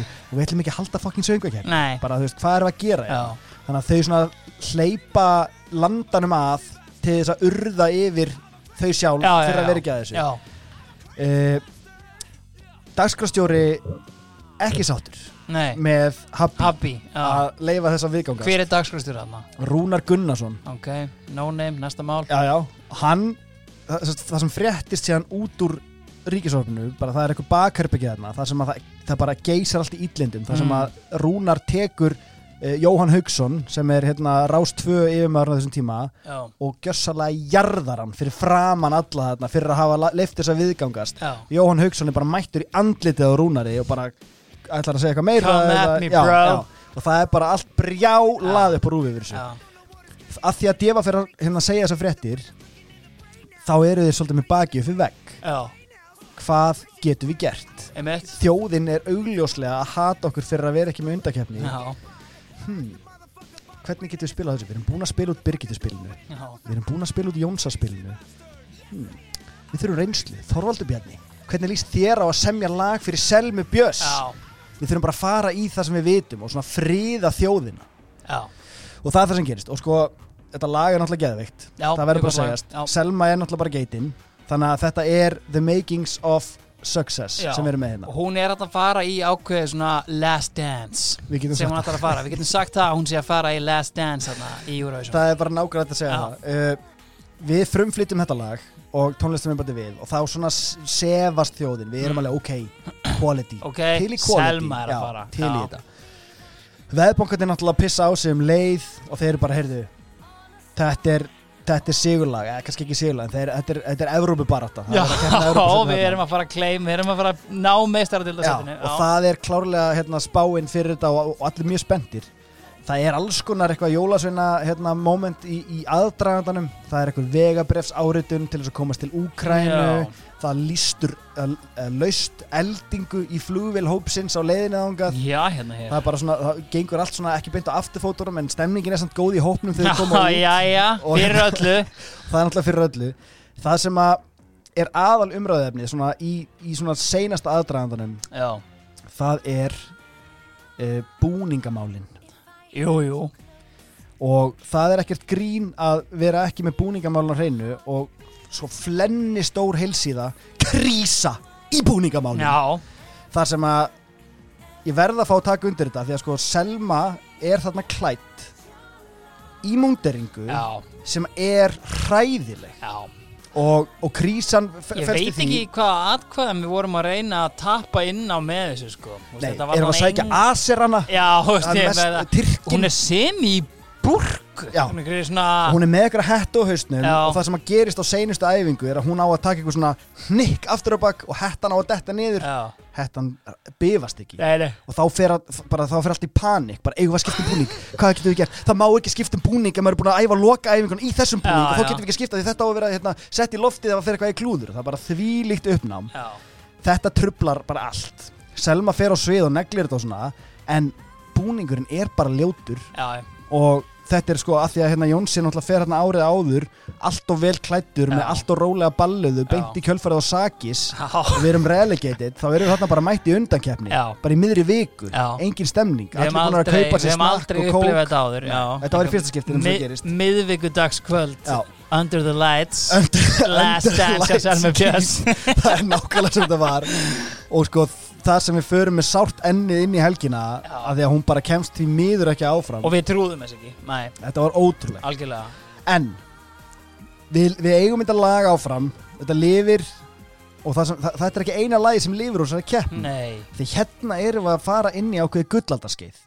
2005 keppnin er rosaleg. Já, hún er sko rosaleg og þar þurfum við eiginlega bara að spila nokkuð lög. Uh, þú spurðir áðan uh, Orri, hvaða, hvaða lagi erum við að gefa 12 stig? já. Auðvitað erum við að gefa Wigwam.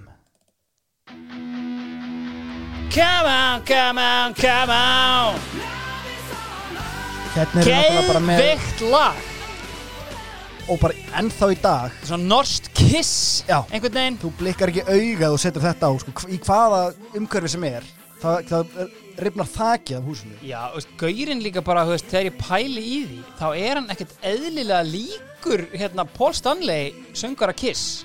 Uh, Nei, hann var gítarleikari. Hvað getur þú hérna, Gene Simmons, Ace Frehley. Annarkvort þeirra. Man, Gene Simmons er bassaleikari sko, svona sko, Paul Stanley var held í söngarinn Sko, hann er bara, veist, hann er með algjört bara svona Kiss-vibe, þessi gæi og var hann með, hvort það var ekki með einhverja stjörni eða eitthvað andlitsmáling, en þetta lag er banger. Já. Og þarna voru finnarnir að horfa. Já, býtum má vera með rock. Já, alveg rétt. Just you wait. Já, heldur betur. En það er ekki eins og þetta hafi verið einu smellurinn þetta ár. Nei, því að danirnir sko, ég held að hljóta vera að þeir hafi farið bara í smiðju Rollo and King fyrir næsta lag sko, þú verður Ok. að finna þetta á YouTube. Það er túbunni, þetta er bara til á dönsku á spottaranum, ó, frábært, ok. Það er náttúrulega Jakob Sveistrup. Já, já, ég Talking to you. með Já, já, já. Því þetta er sennilega pund fyrir pund uh, huggulegasta já, þú er bara með lævaran oh, Paul Bettany looking Wow, spot on. Já, ég veit það. En þetta er sko I'm talking to you through your door uh, er það through ekki? your door, Nei, through your through my heart. Já, ég ætla að vera að tala við henni gegnum hurðina sko. já Hanna mm, mm, yeah. Já, þetta er svona danced and sync eitthvað. Nei, þetta er miklu betur en það Þetta er sko ef það er eitthvað lag sem er svona holdgerfingur Jónas Elvar Halldórssonar þá er þetta lag. Já, En Þetta er algjör fílingur og sko það er eiginlega sjokkandi og við, sko, að því að við erum að tala um klíkuskap þetta var eina af þeim keppnum þar sem við erum eitthvað að jarmiðu klíkuskap. Já, við gáum Noregi 12 stig dönum 10 stig, af því Já, að þetta er bara, þetta er bara nákvæmlega okkar kaffibólli sko. já, já. En sigurverðin var að sjálfsögðu Helena Paparizabara sem að var með sko algjöra pop hérna Ja. neglu. Sko, ég hef sagt það eiginlega allt og ofta að þetta er eitt besta Já, já. tíma. En þú veist, Þetta er reitt besta Eurovision. já, það því miður þarf bara að koma aftur hérna. Gítarinn hérna. Eða sko plokkið á Já, reynda dilla er ekki. Já, veist Það er lámark axlir að reyfast núna sko. Þetta er líka bara gríðalegt magna huggulegu fólki hérna á sviðinu sko, og þú veist, dansrútínin er geggjuð. Þetta lag er lasið sko. Já, Þetta er bara vintage Eurovision Já. bara eins og það á að vera. Og þetta er að sjálfsögðu bara verðskuldaði sigurveri Já, já. engin klíkuskapur, pjúra gæði. Next year in Athens. Já, bara siglinni í þennan Hei hann er aðeins Geðveikt hátt stilt í gurnum í bakgrunni hann, hann bjóst ekki við að Nei. vera svo mikið partur af þessu þannig að hann þarf að lækka sig í næsta Nei, viðlagi. Já, algjörlega. Herru, góð uh, yfirferð. Eru þið ekki bara komin í boltan eða? beint í boltan Sko, Það er nefnilega nóg að taka hér og ég er eiginlega með sko stærsta pre-season bettan minn hinga til að því að ég vil meina að við séum með smá changing of the guards Ok, hérna. ok. Við erum komnir með bara það sem ég ætla að kalla fyrsta íslenska silly seasonið. Ok, 100% bara haustið 2004 og bara alla leið þangað til í mæ 2005 bara þegar mótið byrjar er bara steipa og sko veist, meiri segja bara út allt tímabilið er bara steipa, steipa, steipa byrjum þetta, það sem við byrjum oftast Já. það er auðvitað í Vesturbænum. Það er alltaf lang Já, mesta það er steipa viljum er auðvitað rekin bara, veist Beint eftir season. Já, er bara, veist, það eru svona tveir dagar búnir þegar Jónas Kristinn sem mættir í fjölmiðla með Sigga Helga við hliðin á sér Vilum, takk en það er hérna uppsagnar ákveðið á fimm ára dílnum Þetta er komið gott býtu, hann fekk 5 ára díl árið áður Hann fekk fimm ára díl þegar hann tók við Já, Hann var búið já, já. með þrjú ára ár, því. Þá var endurskoðanir ákveðið Já. Sayonara En var þetta virðingavert eða var þetta, hérna, var, voru pillur?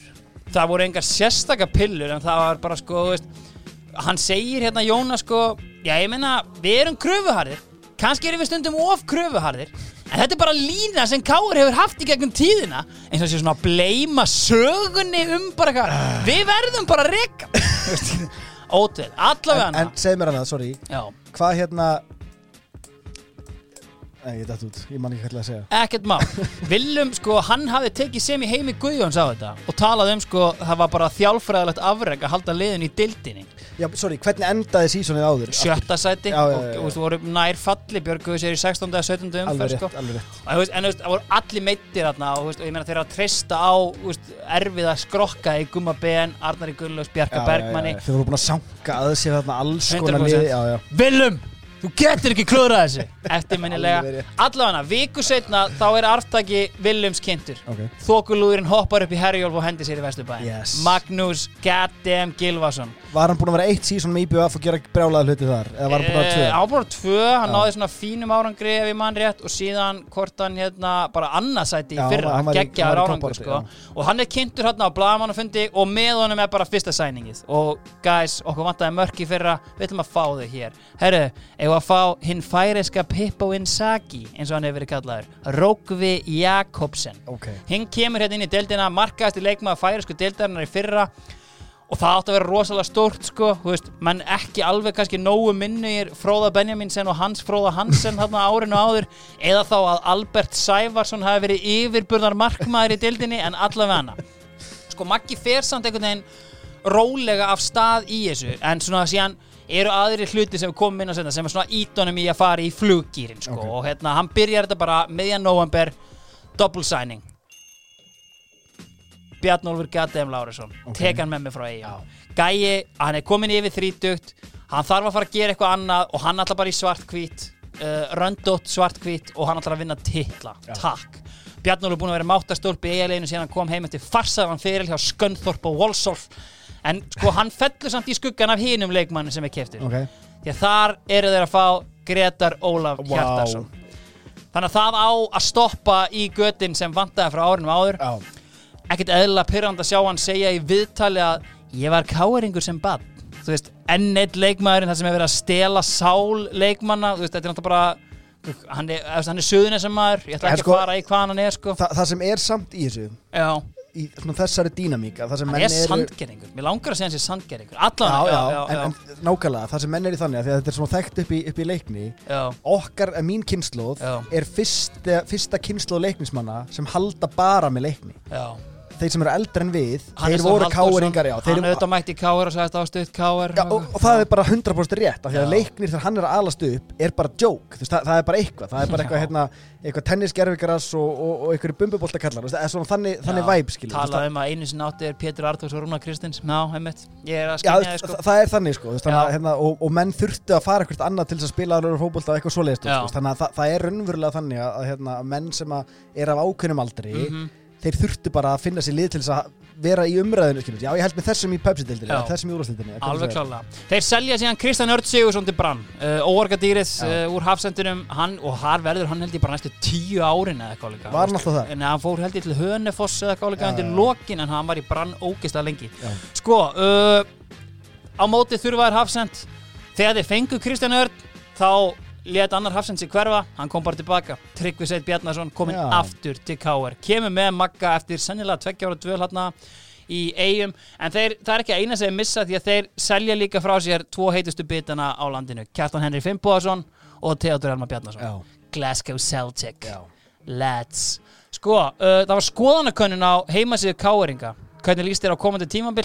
Það var svona, ég þetta var í februarsleis Það var 50% sem leist vel á þetta Það var svona, þú veist, en það var samt, þú veist, þessi 25, þú veist, síðan voru svona 25% mjög vel, að þetta er svona 75% approval rate, þú veist, ég sá þarna glugga einhver komment Býtu 50% svo vel og 25% og mjög vel. 25%, eh, sorry, 25% þokkalega en það Já, gætt líka að skýra eftir komment ég sá þarna eitt, Jón Kári Eldon Magnús Gilvason, við fengum hann bara og síðan var 21% sem leist illa á þetta, þannig að þetta er svona getur brúðið til þetta að begja vona En er þetta ekki bara, er, er ekki alltaf nett fíla í jú. Er ekki alltaf svona, já, þetta gæti nú verið betra? Já, já, Maggi las þetta alveg og hann breyður á það ráða að sæna leikmann frá Honduras, Helmis Matute. Hann spoilar verður, hann gæti ekki neitt en hérna allavega, herru, það er meira að gerast hérna, herru, uh, að því að stormsveipar markaðarins eru valsmenn þeir eru nýlegar í deildinni, Já. þeir eru að sjálfsögðu mættu upp aftur. Og á sömu opnu að maður gæti lesið um það að Willum væri rekin frá KR þá byrti Devaf viðtal við Njáleðsson, þjálfara vals sem var þetta nýbúin að koma val upp í efstu deild. Bara aftur, we're back. Já, en fyrirsögnin var alls ekkert gleði efni fyrir Köttin Njál sko hann sagði að það væri basically bara búið að reka hann en án þess að segja honum frá því. Það er þess að verið þannig að í þættinum Boltinn með Guðnabergs sem var á sín og fjallaði mennska boltan alveg rétt. Þar var Heimir Karlsson eitthvað að sprella bara eitthvað og hérna já, valsarar, eitthvað, var allir í settinu Hemmi Gunn var í settinu með hérna, með Guðna og hérna já nú, hérna kom þér upp aftur, gleði efni og Hemmi segir bara heldur betur. Og það er hallarbylting á leiðinni og Guðni, það kemur svona algjört fát á hana því Guðni veit allt hvað er í gangi fyrir já. sko, og, svona, veist, og hemmi líka. Hann að Guðni bara svona já, já, þetta er flott og við svona sjáum bara í beinni útsendingu. Shit. Og njallinn bara WTF Börkur, hvað í fokkanum er í gangi? Býtu börkur í mættur. Börkur er mættur, Börkur kemur hérna árinu áður og úst, changing of the goddamn guards. Maðurinn með stærstu hreyjarnar í íslensku fótbolta. Er það að segja mér að börkur sé búin að vera þarna heilan bílprófsaldur bara, í brunni Gæin er búin að vera þarna í tæplega tvo áratíð sko. og það, Að það er ekkert, það er, hann er aldrei ekki pási Jú, hann tók pásu förum nánar við verðum að gera því betri skil síðar sko. Ok. en hérna sko, Njáll er fyrsti þjálfærin í 19 ár til þess að koma liði upp úr bjöldildinni og fá ekki að halda áfram okay. sko, Væðarleysi Já, og, og það var bara það sem þurfti. Fáum að heyra kannski af því og eftir sko, en það er blásið heðurlúra Willum er kynntur. Er eins maður stöðir annars brauð. Willum tekin yfir lækin og svo kemur bara einhver ótrúlegasta vika sem ég man eftir sem stöðningsmaður vals á þessum tíma veist, ég gat valla kveikt á fréttunum án þess að Arnar Björnsson væri að tilkynna mér að það hefði verið enn eitt blaðamannafundur að nýra hlýðan þetta fyrsti blaðamannafundurinn er haldinn í loka oktober Kjari Sturlu er komin í markið. Ok. hættur í náminu sín út á Ítalíu hann skera það niður nokkra kúrbíta og er komin tilbaka og það er komin sóknamaður til að leiða línuna. Á hlýðarenda röltir hann röltir ekki, hann kjagar. A little tiny fella called G little Ben. Oh. mikið G. Pínu lítið ben. Já, Gummi hefur farið sko í miljón vitur og talað um að svona fyrir árið 2004 hann farið á fund með Gauta Greta sinni lækni og grátbeðum að græða síðast tímanbilið og hann sagði sko við mig í draumaliðinu að þú veist hann hefði veist, hann var alveg komin í fint stand en hann fekk bara ekkert að spil þannig að veist, hann var mjög ósáttur og fann bara svona þú veist, herru, þetta er komið gott ég er til í að prófa eitthvað annað og bara svona Lummið minn maður. Jafnvel að við fyrir mig smá Last Dance. Það var jafnvel komið að smá Last Dance já, Gumma Ben hérna á þessum tíma. Og þú veist, þetta er einhvern veginn sko, þú veist, we've been here before. Þú veist, að það er verið að reyna changing of the guards endalaust, að vera að reyna bólunum út Last Dance sjáum hvað, hvernig Gumma vegna hlutabrefum voru lág, það var ekkert annað símtal sem bast, Ok. ég sé þetta svolítið fyrir mér eins og í Moneyball þegar Scott Hatterberg, Chris Ah. Pratt er bara eitthvað með fjölskyldinu heima að degi Já. í olbónum, Já. enginn að ringja og síðan bara bankar Billy Bean upp á Já. We wanted to play first base for the Oakland A's Já. þetta var svolítið þannig sko Það er þetta mjög fyndið á þessum blaðamann að fyndið, svona bara lýsandi fyrir hlutabrefin í gumma að þú veist, það eru, það eru þrýr leikmenn kynntir þarna og allar forsíðunar og allar myndirnar er af þriðja leikmenninum Margrét Láru Viðarsdóttir. Það er enginn Ókei. að pæli því að það sé að vera að sækja hérna námsmann til Ítalíu í markið og einhverja meðsla hrúu spjallborðin loguði það var enginn sem nefndi því að fá hérna einhverja burnout káeringa sem ekkert höfðu gert. Og veist, ég skoði þetta bara tilbaka veist, fair play hjá stuðnismönnum í dag bara eitthvað veist, að, við ætlum bara að treysta á þetta segjum bara meina, segjum bara Óskar Örn er samningslaus núna já, já. Óskar Örn er vond dæma því gæna er í sturluðu standi. En segjum hann væri búin að vera mittur síðustu 2-3 árin bara eitthvað herru, til að bjarga okkur hefur fengið Óskar Örn Haugsson. Þetta er bara svo að taka Aron Jó eða eitthvað. Herru, uh, næsti blagamannafundur uh, Atli Sveinn Þórarinsson. Hann er komin úr falliði káamanna. Daginn eftir, næsti blagamannafundur Steinþór Gíslason, bakur undir 21. slagsins Valsari að koma heim úr Viking Bókstaflega. Viking Reykjavík. Börkur er ekkert hættur, eftir áramót koma fréttir Valur ætlar að fá Veigar Pál og TG9 Veigar Pál fjall með Stabæk og Tryggvi hjælt örgríti uppi. Var á einhverjum tveggja ára díl en hann var nýbúin að láta þjálfvaran heyra það og var komin eitthvað bras og bara Börkur bara, ætla að taka á báða? Við erum að fara að taka á báða, bara, segir hann bara í fjölmiðlum? Já, bara, veist, já, lausir. Ég menna, við erum að skoða sér mál. Ég ætla að taka á. Millitíðinni þá bara svona hændir já, hæru, síðan var ég að sæna þetta Sissa Júl. Hann er komin líka og síðan eru þeir, en þú veist, þá en En síðan á hvað aldrei er þessi menn? Gummi Beni hvað, 74 mútur? Já, hann er 31 ás, Ok. Kæri Sturlu er aðeins yngri, hann er svona um 30 törglaðna Já. Atli Sveitn er úst, 25, 6, Já, já. eitthvað svo leiðis Sissi, úst, á svipuðum aldrei gummi Já, já. Það, það er verið að sækja reynslu Já, já. og menn sem hafa gert þetta áður En þarna er hópurinn orðin klár, rétt, ránt Eitt heitasti byggar biti markaðins er eftir, Gretar Sigfinnur hafði sett, gáðum því ekki alveg nóg mikið gaum í síðasta þetta Gæinn skoraði 6 mörg í átján leikjum á tímabilinu undan með falliði vikings alvöru hamar í tegnum og sko Gretar Sigfinnur á lausu og vikingar er að vinna með svona það sem er að háká er að gera í dag með alla sína leikmenn þeir eru bara á samningi og þeir ætla ekkert að selja Já, já. og sko hérna endar á því að Gretar Sigfinnur kemur á láni til Vals og Siggi Helga, uh, geitin uh, upp í K.R. framkvæmdastjóri K.R. Sport á þessum tíma, hann er með pillur K.R. vildi fá hann líka, fekk hann ekki uh, og þrjú fjölu, Valur, Keflaðið og K.R. með hennum Keflaðið eftir, goddammit. Sko, Siggi segir hérna það er ekki eðlilegt að leikmaður sé að ræða við þrjú lið á sama tíma eins og raunin er augljóslega.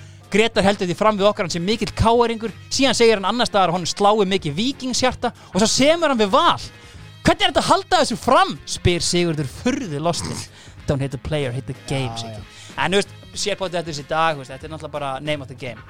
En Gretar hver- sagði bara er sofið á verðinum sko, Þeir bara, Já, já. þú veist, á meðan börkurinn bara mæti þetta með böllinu út, bara kotið hérna. En hverjir kom, hverjir eru í þessu valsliði sem fer upp? Þannig búið að kaupa bara heilt byrjunal það, og það er náttúrulega bara geggjaða líka. Veist, þeir hafðu, börkurinn hafi byrjað árinu áður. Ég meina, Baldur Aðalsteins er í liðinu. Já. ég meina, byggarmeistari og Íslandsmeistari með skagarum á besta aldri. Uh, sá, það er aðeins einn herra Ísland, Garðar Gunnlaugs er upp á topp, það er enda verið frekar slakur eftir að hann kom hérna í fyrstu deildina sko, skoraði, spila áttaleiki null mörg, en þú veist, hann er hérna og séðan erum við auðvitað með kongin, Björsa Hreiðars hérna, við erum með ungan Matta Gum við erum með Bjarna, Ó- eða, ungan Matta Gum hann er 80 mótar, hann er 25 ára. Þú veist, Bjarni Ólafur er hann 23 ára. Og þú veist, en þetta er samt sem áður lið sem hefur fallið í þremur síðustu tilraunum í eftir deild. Já. og hérna sko, ég ákvað bara aðeins að slá til, já, góðvinn þáttarins, uh, Sigurbjörns Hreiðarssonar uh, sko, Bjössi hvernig hefur það og má ég ekki bara aðeins spyrja þið út í þetta mál Ég er frábær. Já, þetta kom nú hórt. Það, það var bara þannig. Ég man eftir því að, að hérna, förum það var ekki búið að vera að ræða þetta eitthvað endilega með að leikmanna sko, alls ekki sko, en þetta kom óvart á, á, á þeim tíðanbúti þegar, þegar þetta gerist, já. en svona, þú veist, vissiru að þú veist, Börkur hafi náttúrulega komið inn í félagi með ákveðin stórsveipi stuttu áður en þú veist, vissiru að núna ætti að gera einhverja atlögu að einhverju þarna bara strax eða þú veist, varstu bara svona, já já, enn eitt prísísón eða sem að við ætlum bara að reyna að halda okkur uppi Nei, nei, ég menna það var alveg ljóst mál að, að þessi ár þarna voru búin að vera þú veist, niður uh, og upp aftur og, og, og Þannig að 2002 tímanbili það, þegar við vorum í fyrstjöldinu, þá vorum við bara langt bært að liðu og mm. búin að vinna dildinu fyrir vekkum að ekki og eitthvað og gerðum ekki sérstaklega mikið í að styrkja eitt en eitt og 2003 uh, förum við aftur niður bara þetta í loka leikum og marka tölvið eða eitthvað djöflum, ég man ekki alveg hvernig það er að prófa þetta. Svo, svo förum við upp 2 og 4 og bæðið 2-2 og 4 erum við náttúrulega með alltaf góðu lið til að vera í fyrstu bild sko, en, en það þurfti klálega að gera eitthvað. Og uh, það þurfti að, að, að stuða stuða dæmið vel til að, til að uh, fara ekki í svömu Sam, samarugli aftur. Ég menna og það er heldur betur gert og ég menna það er hrúað inn hérna gæða spilurum og til dæmis bara markmiði fyrir mót þú veist hvenar sett í hópurinn sér einhver markmið að viljum er í viðtölum á þessum tíma að tala mikið um að festa lið í sessi, hætta þessu jójói. En ég meina, með þennan mannskap þá getur ekki annað verið en að stefnan hafi nú verið töluvert meira en það. Nei, það er alveg rétt hjá þér. Og uh, ég meina þó að við höfum verið nýliðar hann á undan þessar eða þessar Já. þá var stefnan alltaf allt önnur heldur bara haldagsir hún var alltaf, var alltaf þannig, það var aldrei þannig hefur nú bara höldu okkur í tildin ég, ég, ég, ég man aldrei eftir því á vals það var bara alltaf, hefur við erum bara það skipt engumáli hvers konar hóp eða neitt var að við vorum alltaf bara kokkist Og er það ekki bara hluti af svona vandamálinu sem að kannski var á þessum tíma að þú veist, menn einhvern veginn kannski horfðu of mikið á merkið sem var á búningnum en pæltu minna í því svona hvernig staðan á almennum leikmannahóp væri. Jú, það er alveg klart mál að, að eftir á þá var það engin spurning að við hefðum alltaf þurft að gera bara eins og þarna, við gerðum. Við fáum uh, klassa leikmennin sem höfðu reynslu og, og hérna getu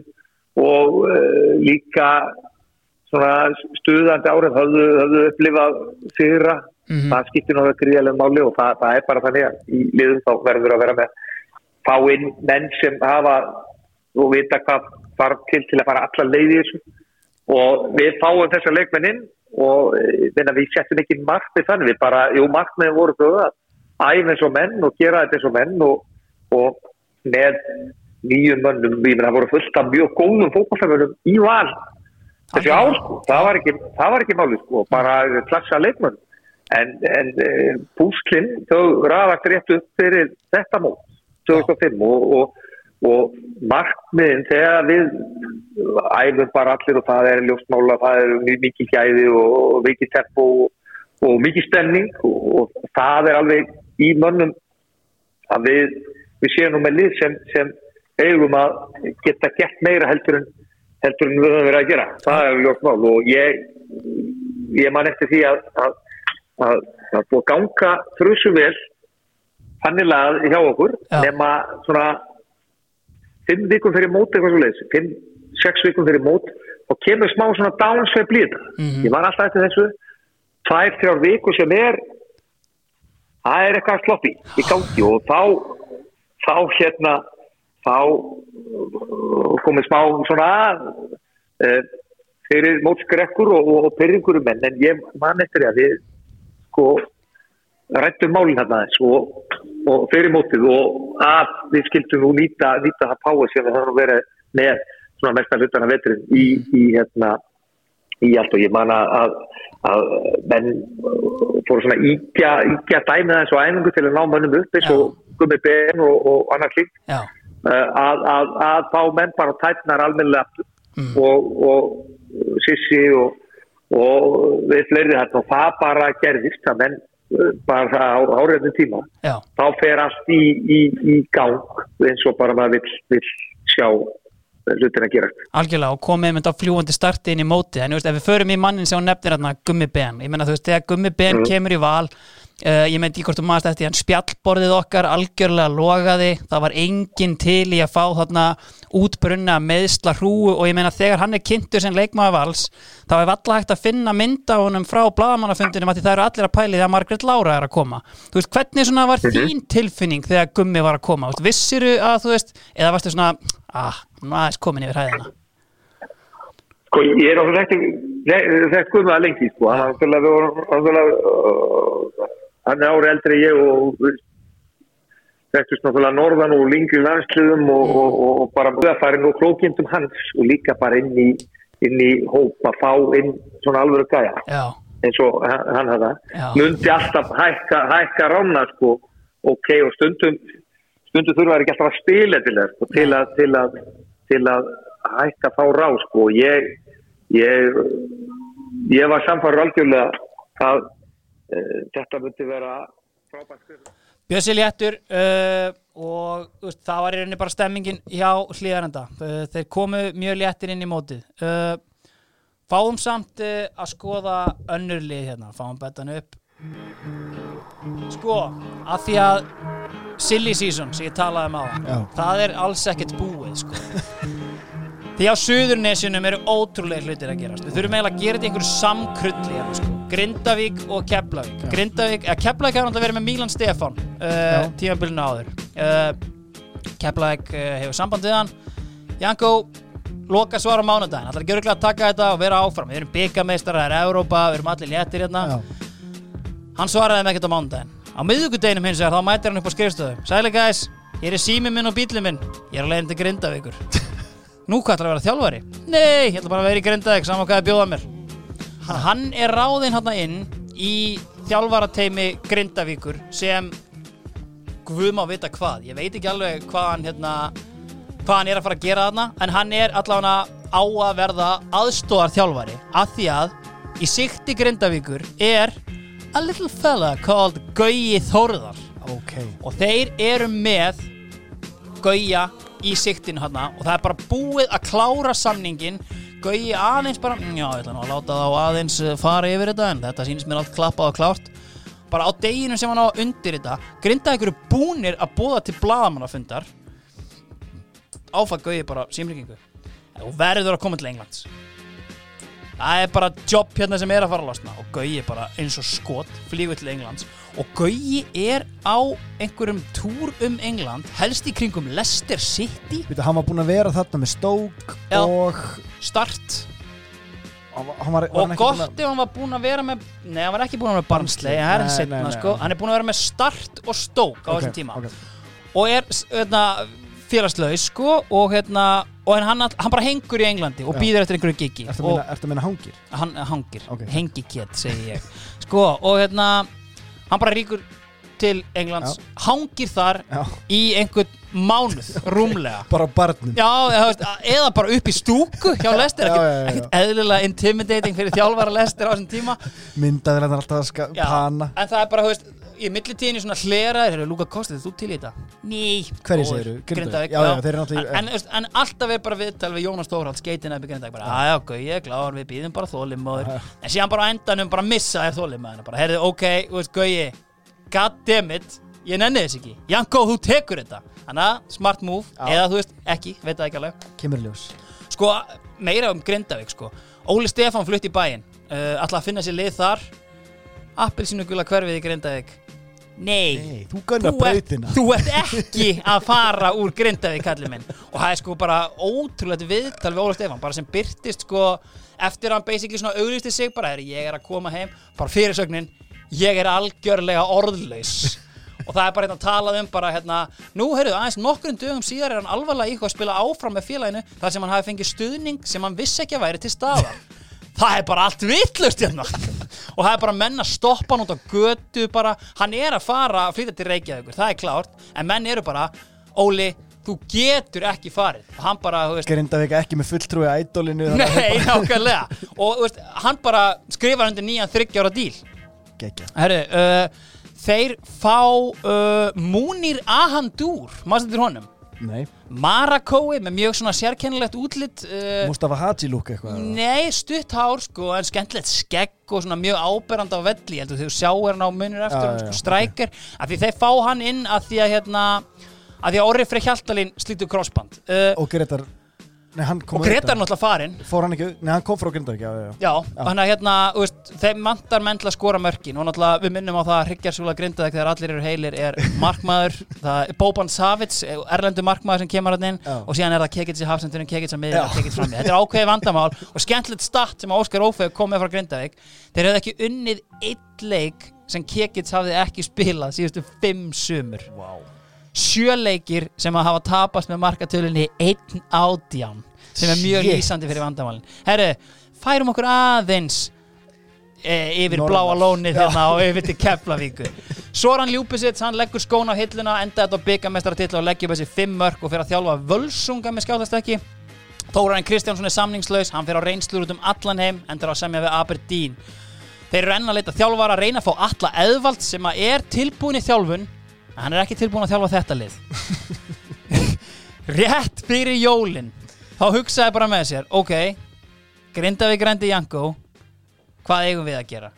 Jú, við rænum bara Gauja Þórðar. Nei Þeir síndu þólimaðina og þegar grindaði eitthvað búið að sena Janko þá bara þrem dögum setna Gauji Þórðar tilkynntur í Keflavík þá var þetta svona endanlegt hann var svona einhvern veginn búinn að hérna, þú veist, hann búið hjúfra um sig hérna á Filbert Street hérna í mánuð og hann kemur bara heim og nú er ég bara komin heim til að vera Já. og til aðstofar honum KG, snikkaðsinn, Kristján Guðmundsson Match made in heaven.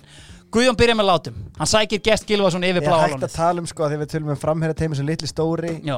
létti þungi. Guðjón Þórðarsson og Kristján Já. Guðmunds hvor er hvað þarna? ég er, ég er ekki að tala um physically ég er að tala um svona hérna á brún. Já, já, mjög Það er alveg mjög við hæfa að segja það sko. Sko, uh, Hafliði svona heldur áfram að svona minna á stöðu fótbolta.net á þessum tíma okay. Og það eru svona endalega svo fréttir sem hann er svona, veist, við erum fjölmiðir þetta er svona hann og hann fer hann svona er í svolítið ennþá með sömu möndur Já, hann fer svona í net celebrity beef við framkvæmdastóra knaspinni félags uh, knaspinni deildar Keflæk sem er notabenni Ásmundur Friðriksson uh, keirandi út um allan bæ hérna, já, já, hann er þarna hann var Ásmundur Friðriksson að ræna Gauja Þórðar Já. með einhverju mesta töffara múfi devious move, já, Nei, heldur betur. Og hann sem sagt hérna þetta tegir sig eitthvað langin á einhvern tímapunkti er Gauði Þórðar búin að setja punktinni eitthvað fjölmiðla bann og eitthvað svona en allan þeir missa helling þeir selja Stefán Gísla til Linn en fá í staðinn einn ungan og graðan frá Húsavík það hefur séð þarna ungan mann vera smala nokkrum, Nei nokkrum er kindum með kominn. mývat Gauði bent á hann, Baldur Litli Sigursson taka hann takk Yfirferð Já, þetta er auðvitað leikmaður sem að Börkur reyndi líka ringi í en hann náði ekki að samfærnu það. Ómar Jó mættir aftur í markið. Uh, þetta týndist líka Óli Gottskáls uh, í Torki. Já, hann var Eh, ekki í íþróttafréttunum með djöfa Nei, nei, hann var ekki mikið, veist, það var samt allt á huldu einhvern veginn, sko. Og síðan er Gauji kærður uh, af hérna, Þórsurum. Hann reyndi að sækja hérna, Gunnar Lindahl, Gunnar úr skittunum sem varamarkmann og Hallgrim Jónasson. Uh, Gauji er að kveikja í deildinni. Var hann kærður fyrir að reyna að sækja sér varamarkmann Já, hann talaði við samningsbundin varamarkmann Það er bara sem Gauji gerir Herðu uh, með Ásmund Friðriks í sko Já. markinu með sér. Þetta er svo rugglað teimi sko, sko, hérna Scott Ramsey er ekkert með þetta sísón Hann er í hérna sæmilegu brasið þarna uh, Með kæruna á sig og, hérna, og þetta dæmdur og hörmulegt mál. En hérna, uh, skulum ekki þingja okkur með því. hann er í kef þarna. Hann er í kef, Já, hann já. farið hérna og Hann hafði farið KR úr. KR í kef. Já, já. Grindavík Káur kef. Já, Já. algjörlega. Herru, og svo síðast en ekki síst uh, F-áðingarnir, þeir eru Íslandsmeistarar Þeir taka Óla Palla frá fylki. Uh, Allir vasar tómir hjá fylki Komum meirinn á eftir. Emil Hallfreðsson, hann er seldur til Tottenham. Uh, Og það er svona eins og þessi lítið í gangi hjá hafnafjörarliðinu Jú, Óli Palli komið sem replacement fyrir Rauður Rakettuna. Óli Palli, er hann F-fáingur Nei, hann er fjölnismar alveg rétt En alveg hann hefur sko Það sem kom mér á óvart einhvern veginn Þegar maður er búin að vera að grafa í þessu sko að, þú veist, Og maður bara fatta ekki. Óli Palli er búin að spila með hálfur Íslandi sko. Já, hann, er búin að hann á spila hann, hann á leikið með Val tvísvar, Já. hann á leikið með Stjörninni hann á leikið með Fylki hann á leikið með FH og hann á leikið með Fjölni. Eða fimm lið, kannski eitthvað hann galið en elskar útkverfin the subs herru, en sko, veist algjörlega undir radarinn uh, flýgur inn hérna keðjureikjandi smávaksin Dani, Dennis Lilli Sím.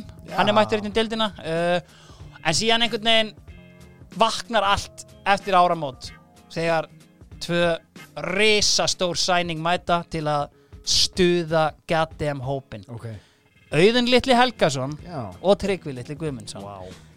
Ekki mikið hár þarna Nei. en það er alvöru quality að Já. koma inn. Þarna er sko Tryggvi nýbúin að bjarga örgriti frá falli. Auðun er búin að vera í einhverjum meðstum hann er smá ósáttu með að koma heim but has a point to prove. Já. það mætti segja að Auðun brann man ekki alveg hvað hann er að koma. Hann var eitthvað í Lóker en eitthvað í Viking og svona.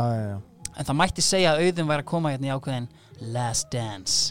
Það er kannski svolítið það sem hann er að vinna með hérna núna. Já, góðan það má- það má segja það. Má Já, segja já, það. já, já. Herri, spáin fyrir mót, FH spá titlinum, K er öðru sæti. Grindavík og Eyjamönnum er spáð niður uh, það sem veikum kannski aðtikli hér að í þeirri spá er báðum nýliðinu spáð uppi. Veist, að því að valsarar eru náttúrulega ekki Þeir eru ekki á nýliða kaliberi hérna. Herru, uh, þá erum við komnir á sumrinu. Sjá þig svona gýraðan Já, heldur betur. Sko, orri, sumarið Það er í bóði sjó.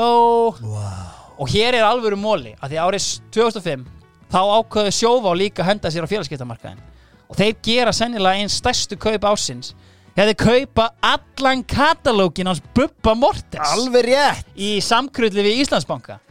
Svo magnaða sala. Sko, mér finnst svo geðvegt við þetta. Hvað einhvern veginn Bubbi Já. nær alltaf og Ólafur Egil Egilson eða hvað hann Jónsi. Jónsi. Hann skrifaði náttúrulega leikrit um þetta Já, já. svona, en þú veist, hann einhvern veginn nær alltaf þjóðinni aftur á sitt band Það er sama hvað hann gerir. Já. Það skiptir engu máli. Hann fer þvert gegn því sem hann hefur sagði fyrir korteri en við bara, god damn it. Já, já, ég sel þetta hérna og hann, er- hann græja þetta aftur einhverjum 5-6 árum setna sko. Sko, það, það er eiginlega bara, ef þetta væri ef við værim að búa til gamanmynd Já. þá myndum við sína frá sölunni á lögunum Já, svo myndum við klippa yfir í færibandið á Rás 2 þar sem hann er að gagga yfir hrun mönnum. Eða við getum líka klift inn í það því hann spila á marmaranum í Vestló og Magnús R. Tórsson virtasti fjármálarinni þjóðarinnar hljóp yfir marmaran á Þving að hann tapaði einhverju veðmáli við Artúringa og, og Bubbi talaði um að þetta væri það sem að hrunið hefði för með sér. Fólk er að missa vitið hérna algjörlega. Herru, uh, en allan að sjófa færa okkur sumarið. Uh, bestu tryggingarnar, bestu sumrin og bestu svona katalókar af Bubba Mortens lögum.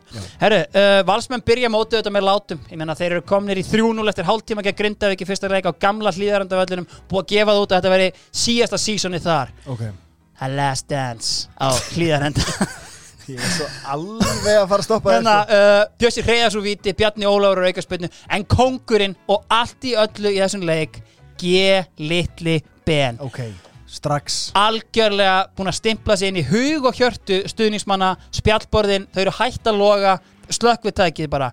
Kss, G, þú ert kongurinn uh, glemt að minnast á það með Grindavík að Magnús Sverrir Þorsteinsson hann var fenginn hann frá Keflavík. Já, Uh. Gauji talaði um hann hefði verið allt og þungur og rakan og keflaði og, og hann var komin til grindaði ykkur og hann minkaði munin sent í leiknum 3-1 sigur uh, Valsmenn ekki alveg nógu sáttur með leikmannahópin eftir hann 3-1 sigur hann er að a little fella called Bo Henriksen er fenginn inn í leikmannahópin nú verðandi þjálfari FC Midtjylland. Börkur ætlaði aðeins að stoppa upp í hann að göttin og, og gera þetta gott. Þeir eru framarar byrja mótið vel. Þeir sigra eigamenn auðveldlega 3-0 og eigamenn í brasi. Nýr útlendingu framara Ross McClinn kemur þeim yfir eftir að Rikki Daða heldur áfram að mata liðsfélaga sína og hann er auðvitað fyrst og síðast? Já, já, var hann í fyrra líka. Ok. Hann er auðvitað fyrst og síðast, mannst ekki, hann er fyrst og síðast mættu til að aðstóða, hann vinnur ekki já, bara eins bítur. Ég þarf þjónustu og ég vil þjónusta aðra. Sko framarar, þeir sækja Tóta Dan. Uh, meirum hann á eftir. Svona prófessorinn, hann heldur auðvitað áfram í lið Óli Kristjáns. Já. og hans fyrsta verk er bara Hans Fróði Hansen, Fróði Benjaminsen það er langt síðan þið höfðu sko, Tóti lagði upp með það að hann væri mættur hérna og ég er mættur til að standa þetta fallpartu sko. Hann er enn eitt árið allar menna stefna hátt. Óli Kristjáns var svona gæla við að fá einhverja dani og á einhverjum tíðanpúti er stig töfting nefndur til sögunar eins og hann var á leiðinni til fram. Já. Óli bara ég meina ég sagði þetta að fá tvo dani. Stig er dani. Sjáum hvað gerist, hann kom að sjálfsögðu ekki. En glataði sonurinn snýr aftur. Þorbjörn Alli Sveinsson kemur heim frá fylki. Ok fá auk þess þinn mann, Hans Jú Mattísen, Hans Jú Mattísen já, það er náttúrulega geðveikur er hann grænlendingur eða?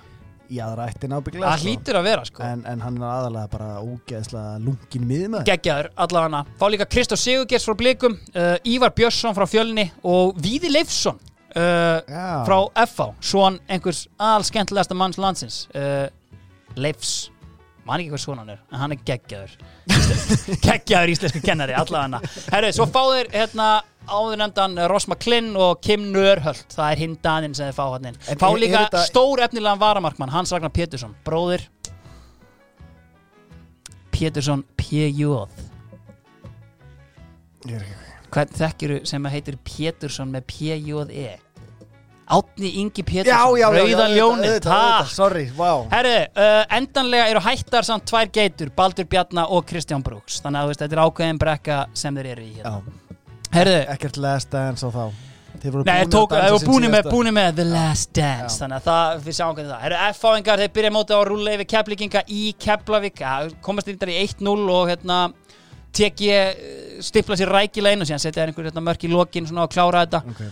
En sko, það sem að er í gangi hérna upp í Keflavík er náttúrulega þetta ótrúlegt því að við erum hér. Ha? Það er búið að rífa í gikkin Í annar umferð? Fyrstu Nei. umferð. Þrem dögum fyrir fyrsta leik. Uh, Guðjón Þórðarsson er búin að rífa í gikkin gagvart keflari hann er farinn. Hann og ásmundur þetta var ekki að ganga. Og veistu hvað, Orri Eriksson ég varð bara að heyra í bara einhverjum með þetta ég bara, herri, hvernig gekk þetta upp? Og ég heyrði ég skoðaði leikmannahópin og ég hugsaði það er engangu einn maður sem getur farið yfir öll þessi mál og það er leikmaður sem að keplaði kefti frá IR fyrir metfíð þetta sumarið Gunnar Hilmar Kristinsson, uh, kallaði Bomban. Hann er frændi Gunnars Arnar frændi, Cursed J Gunnars Arnar Jónssonar. Uh, fáum aðeins að heyra hvað hérna, Gunni sagði um þetta. Gunni, veist, kemur þú sérstaklega í Keflavík út af Gauja Þórðar? Nei, Jól skúli, það var ekki Guðjón Þorvarsson, þetta var þannig að, að ég æði með háka hopna og, og fjögur fóru að æði með háka hopna í nóvember. Undir, undir stjórn Gunnars eitthvað svona hvað heitar hann? Gunnar hann er sem er þró. Gunnar Guðmundsson sá þýski? Gunnar, já, Gunnar Guðmundsson. Og hérna æði með þeim og hérna og var þar alveg til þannig í janúar. Já, og það er nú gaman að segja ef ég má henda inn inn í sögu. Endilega, til þess erum við hér. Að það var hérna í kringum desember. Já, að eftir æfingu þá kemur Gunnlegu Gunnlaugsson uh, að mér og segir Gunni, uh, það er kúreika þema fyrir jólabóði í kvöld og ég horfði svona á Jóa Björns Jóa Barbecue, þú veist hvað það er. Já, já, og það er maður að segja Jói, nei, það, þetta getur ekki verið þú, er einhver að bökja mér. Og Jói því saklu því anskoti segja, já, þetta er alveg hárið það er kúreika þema Jæja, svo kemur Anna, Jói og pappa svo pinn og sækir mig í breyðastið já. Herru, kemur ekki Jói í dúnúlpu og með einhvern stráa einhvern mexikóska stráa. Svo stóra, það skrifaði mér svo Já, já, sombrero. sombrero, já, og kallinn fer heim eftir æfingu hana já. og segir, og ég bjó heima á, sinni tíma að þetta var og segir, mamma, á á ég einhver kúrgöf það átti ég einhverja, þú veist, köllóta skiptu því síðan var 15 ára.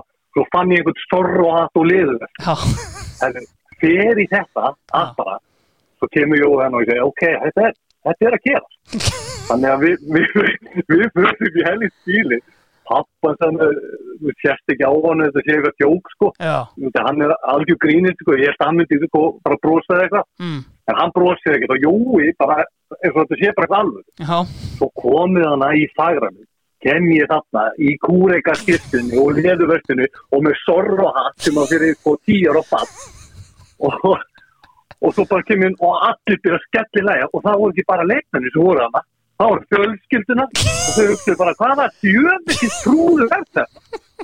Ég byrja að lappa út. Ef ég ekki sótti nei gunni þetta er bara ég tók þessu ekki til gríni maður. Ég þekkti til ég var búin að æfa með því eitt og hálfa mán hörru kemja hann inn og svo nettu til að uh, nettu til að bora hangikjöld og stúfan sem ég hata. Þetta hefur verið hræðilega ja, þetta, þetta var fræðilegt og eftir þetta var ég bara að kalla Gunni Kúreki í hákast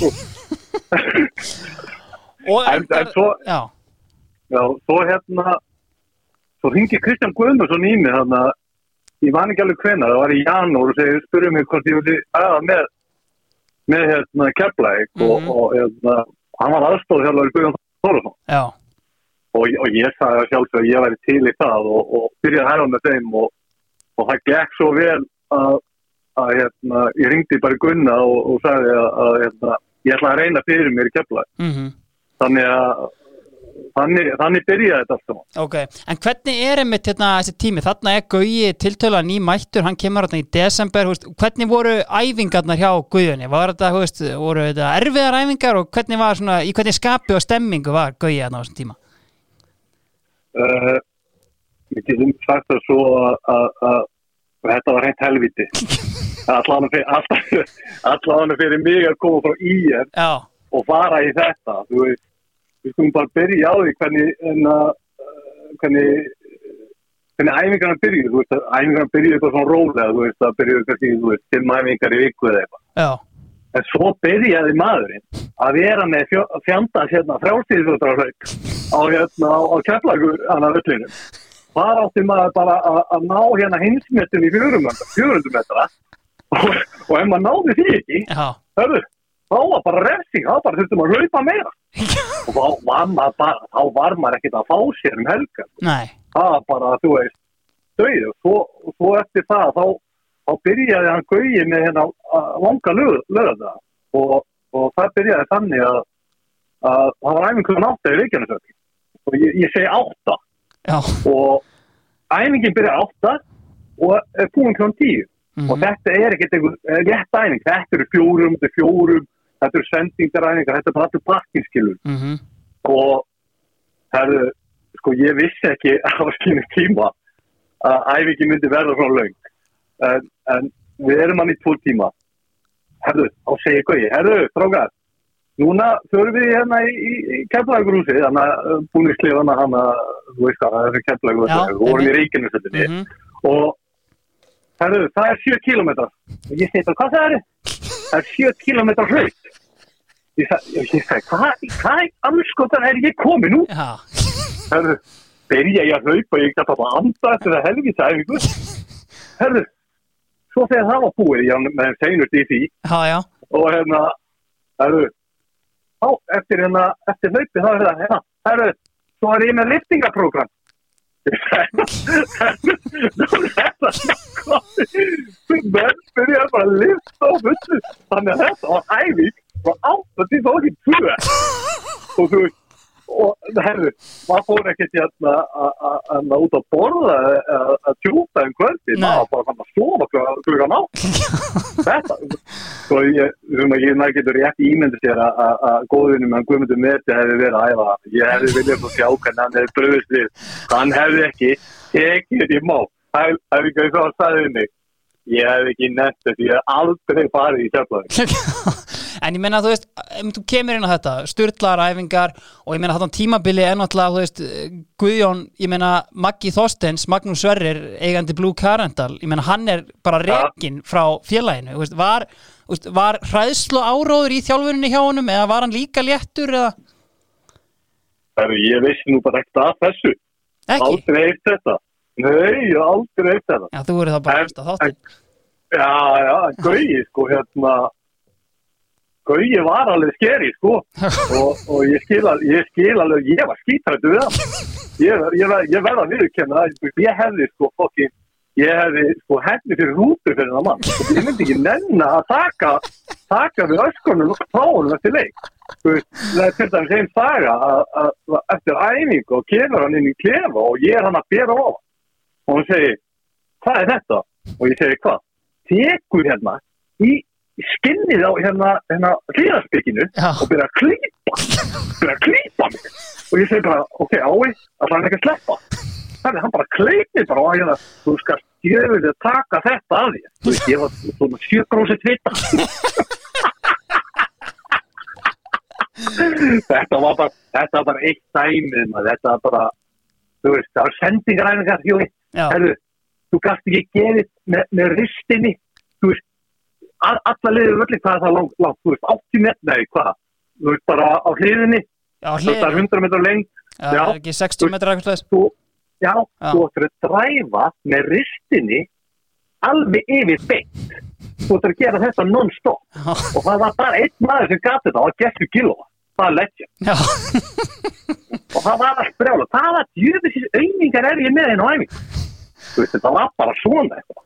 En þetta hefur það vantilega verið kannski að ég meina, síðan náttúrulega eins og við erum búin að vera að tala um Gauji riftir samningnum. Uh, þú veist, hvernig, kom Já. það, hvernig kemur það svona við leikmannahópin var mönnum kannski bara létt eða, þú veist, hvernig, hvernig var stefningin hjá okkur sko, ég man eftir þessu eins og það er í gæð sko, við, við förum hann á hótel fyrir, fyrir fyrsta leik. Já, já, þetta var, þetta var einhver æfingaferð og hérna og svo bara daginn eftir þá var bara sagt að Gauði væri hætt og það sem, mér dettur í huga að ég held persónlega, ég veit ekki hvort það sé rétt fast eða ekki að hann, ég held að hann hefði bara talið að þú veist, ekki haft trú á ofnum, hann Já. hefði bara sagt við sjálf að sig, hvað er anskotan ég komin í og það er, það er sem ég hugsa allavega Já. og eins og hann sagði við stjórn, eða þú veist, sagði við hann að við fréttamenn og annað eftir þetta, hann sagði þetta að veri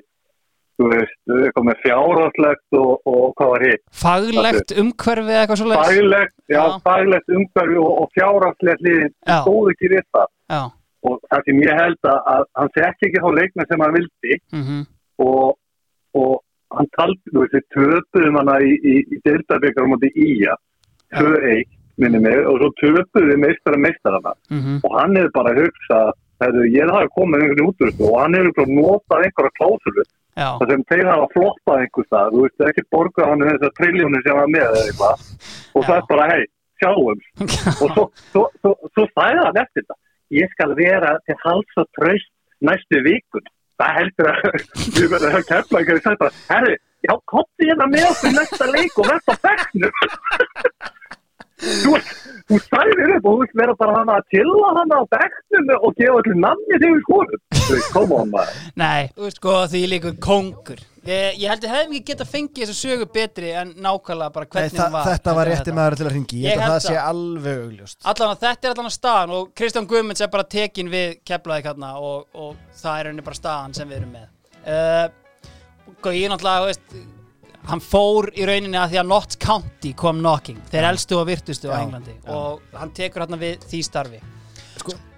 Ég, ég, Nú veit ég raunverulega ekki hvernig þetta tímbil er að fara hjá. En bara, bara þessi uppskrift Já, Að fá bara gauja þóruða til þess að drilla eitthvað rugglað prísísson já, gestur Gilva flengjónum á milli kantana Það legend. Já, En að fá svo bara eitthvað léttan til þess að stýra sér um sumarið Bara þegar það er sól og sumar. Kannski. Og, ég meina eins og hann sagði, ég veist, Gunni hefði hlaupið fyrir rútu fyrir hann og svo hrættur við hann skilur og einmitt létti þungi í skapi. Kristján Guðmunds ekkert eðlilega léttur þannig að þetta er kannski bara Ég ennþá góð að hlæja. uppskipt hjá ásmundi Ég er eftir að hlæja að hann var neittur til að borða hangi og stú Svo hann hataði Þvílíku kongur. Herri, uh, það sem áður var stórleikur uh, en er bara orðin svona vega venjulegu leikur hérna núna.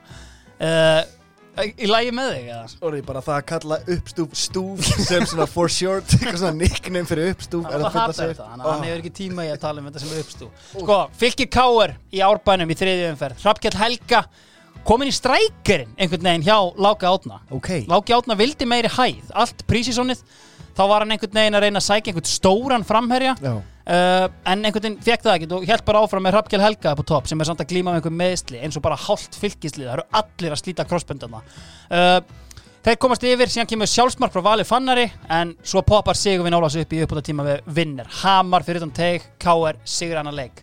Sko aðeins um þennan leik af því að sko lukkudýr er eitthvað sem ég hef alltaf mjög gaman af. Uh, lukkudýr fylgis, veistu hvað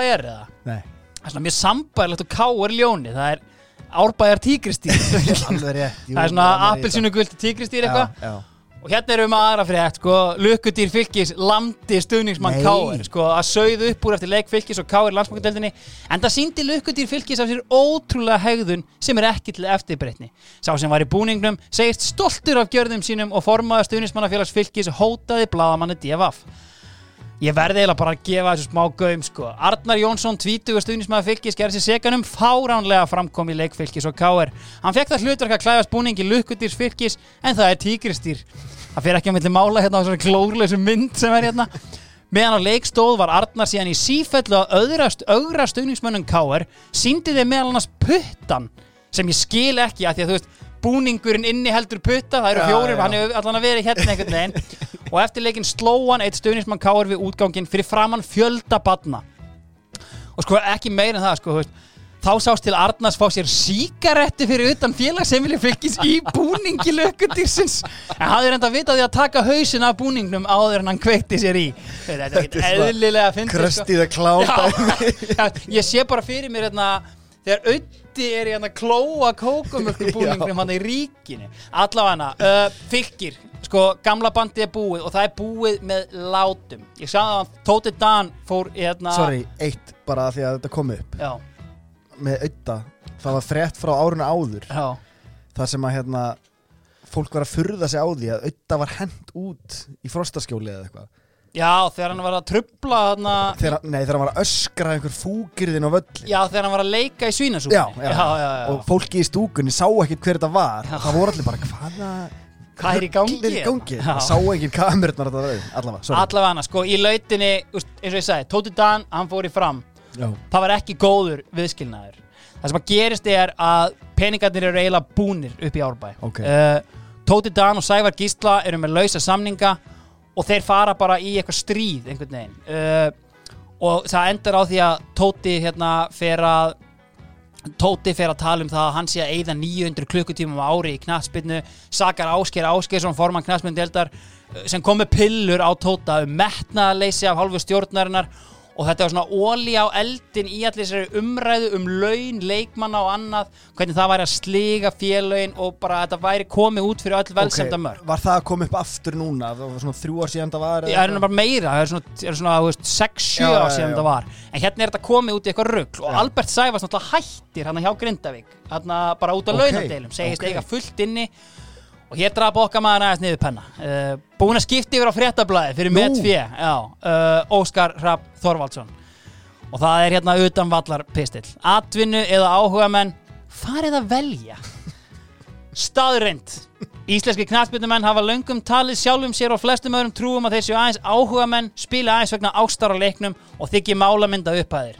Staðreind Albert Sæfarsson, markverður grindvikinga, kom rækilega upp um sjálfan sig og félaga sína í grein í morgunblæðinu þar sem hann tjáði alþjóð og hann fengi 200.000 krónur á mánuði á ársgrundvelli, mun hærri laun en byrjunarlaun kennara sem standi í verkvalli og í það minnsta tvöfalt hærri laun en hjá almennum verkamanni sem þó vinnur fjórfalt fleiri tíma að minnstakosti.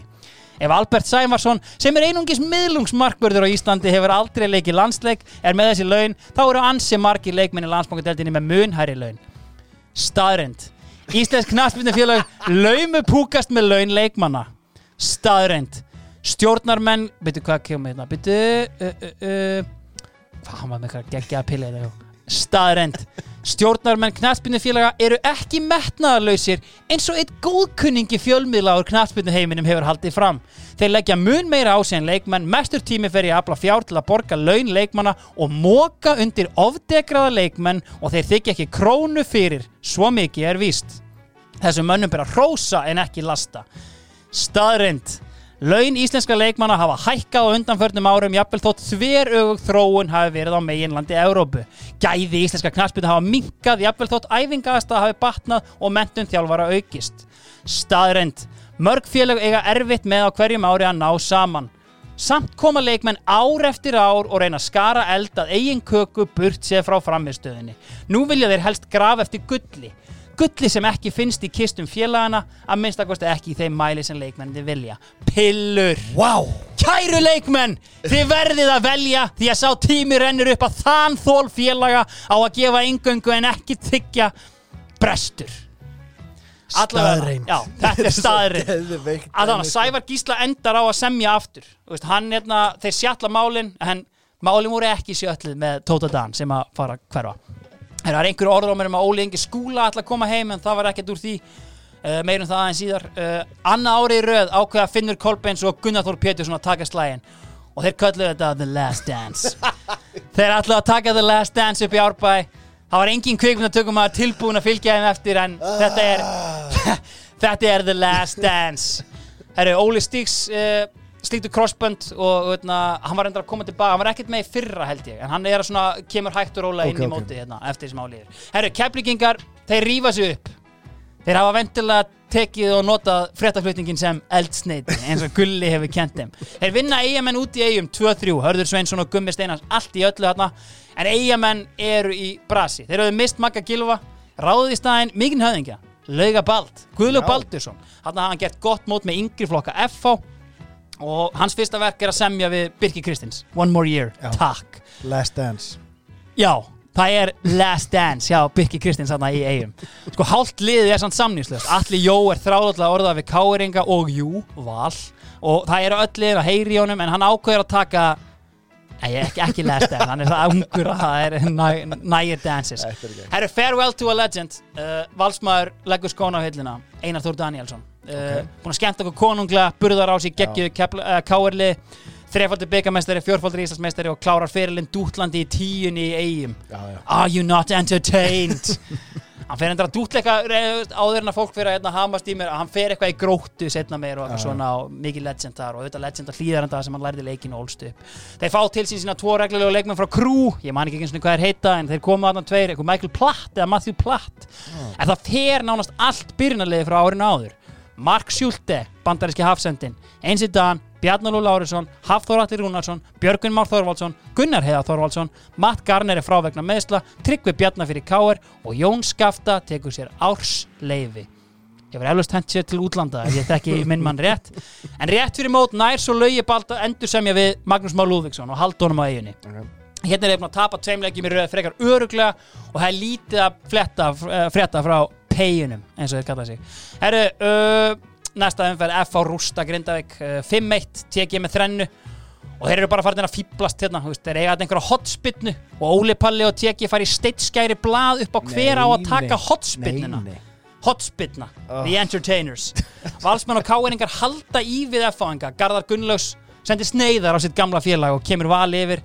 En að Bjössi reyða sig auðvitað klínir einu viti gegn skanum og vinna hann 2-0 sigur. Sko skæin mm, finna svolítið fyrir því að þeir eru að detta aðeins aftur úr. Changing of the guards. Já. þeir eru að reyna við alla þessa leikmenn. Það var vill enginn veist, göngin eru samt komin. Já, en það bara vill enginn detta aðnin þeir fá Dín Litla Martin frá Káa ok. Sko Julian Johnson uh, hann var ekki með skagamann á ákveðin svona farsi skagamenn hann alltaf að fara í sjúkraflutningaskóla í Danmörk og var ekki að fara að spila neitt fótbolta og riftu þess að samningi við hann og því runnu tvær grímur á flesta akurnesinga þegar hann samti við BS68 um að spila með liðinu og þjálfa í færisku bjöldildinni Julian reyndar skildi sjálfur ekkert í þessu sjúkraflutningamæður ég ætla að vera kennari þannig að ég skil eiginlega ekki hver er að ljúa hérna sko. þetta er svo innilega langt frá hvort öðru sko.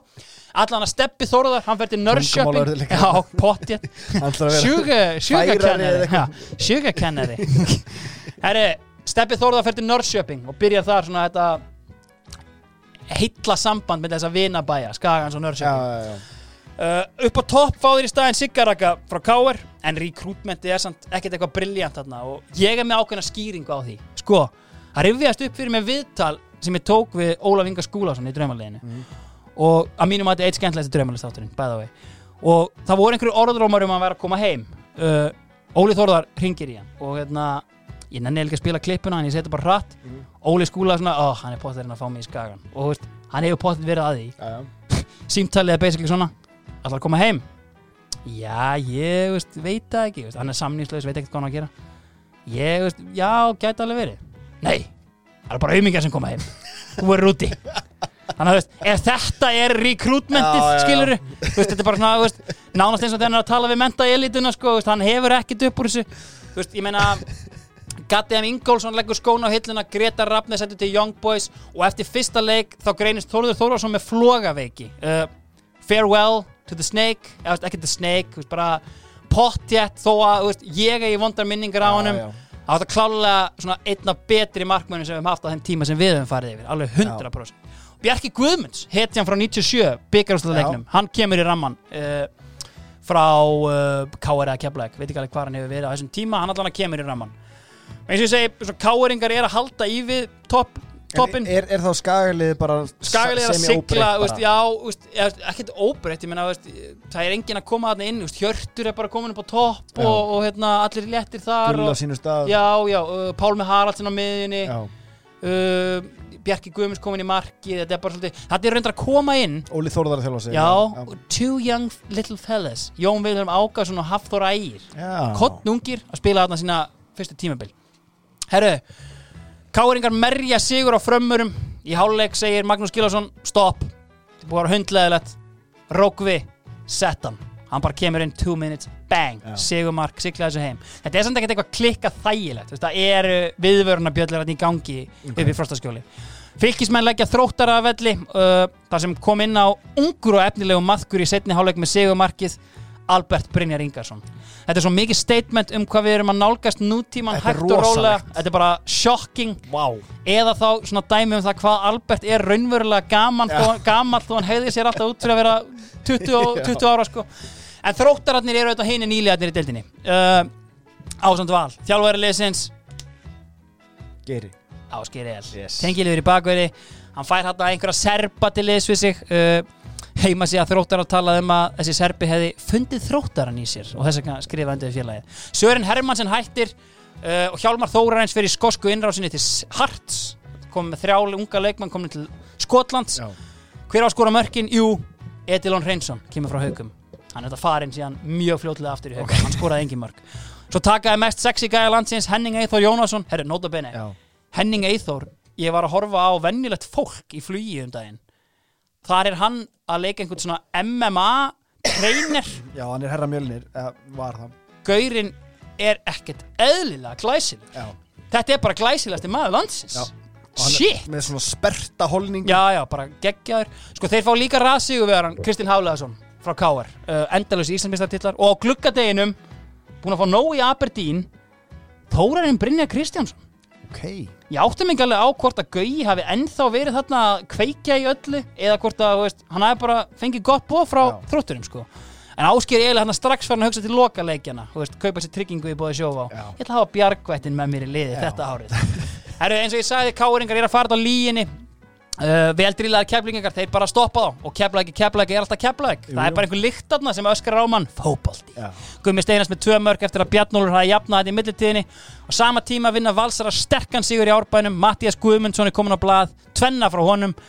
Eftir allt japlið, jamlið og föðrið þarna um samningin að Sævar Skísla og slítur hann crossband frá átsísonið fá í staðinn Dana, Kristján Kristjansen Já, já, en mann ekki eftir neinum gæðum. Hann Nei. gerði ekkert sérstaklega mikið Hann var alltaf svona Hávaksin að það ekki Hann vildi stóran fram Já, algjörlega. Sko, Valur og FH eru með fullt hús stiga hérna. Þannig að sama tíma eru þrjú félög, IPVF, Grindavík og Þróttur án stiga, niður njörfið við botnin og útliti dögt. Uh, framarar hafa aldrei byrjað mótið einhvern veginn betur. Þeir vinna þetta 3-0, síðan vinna þeir næsta leik líka.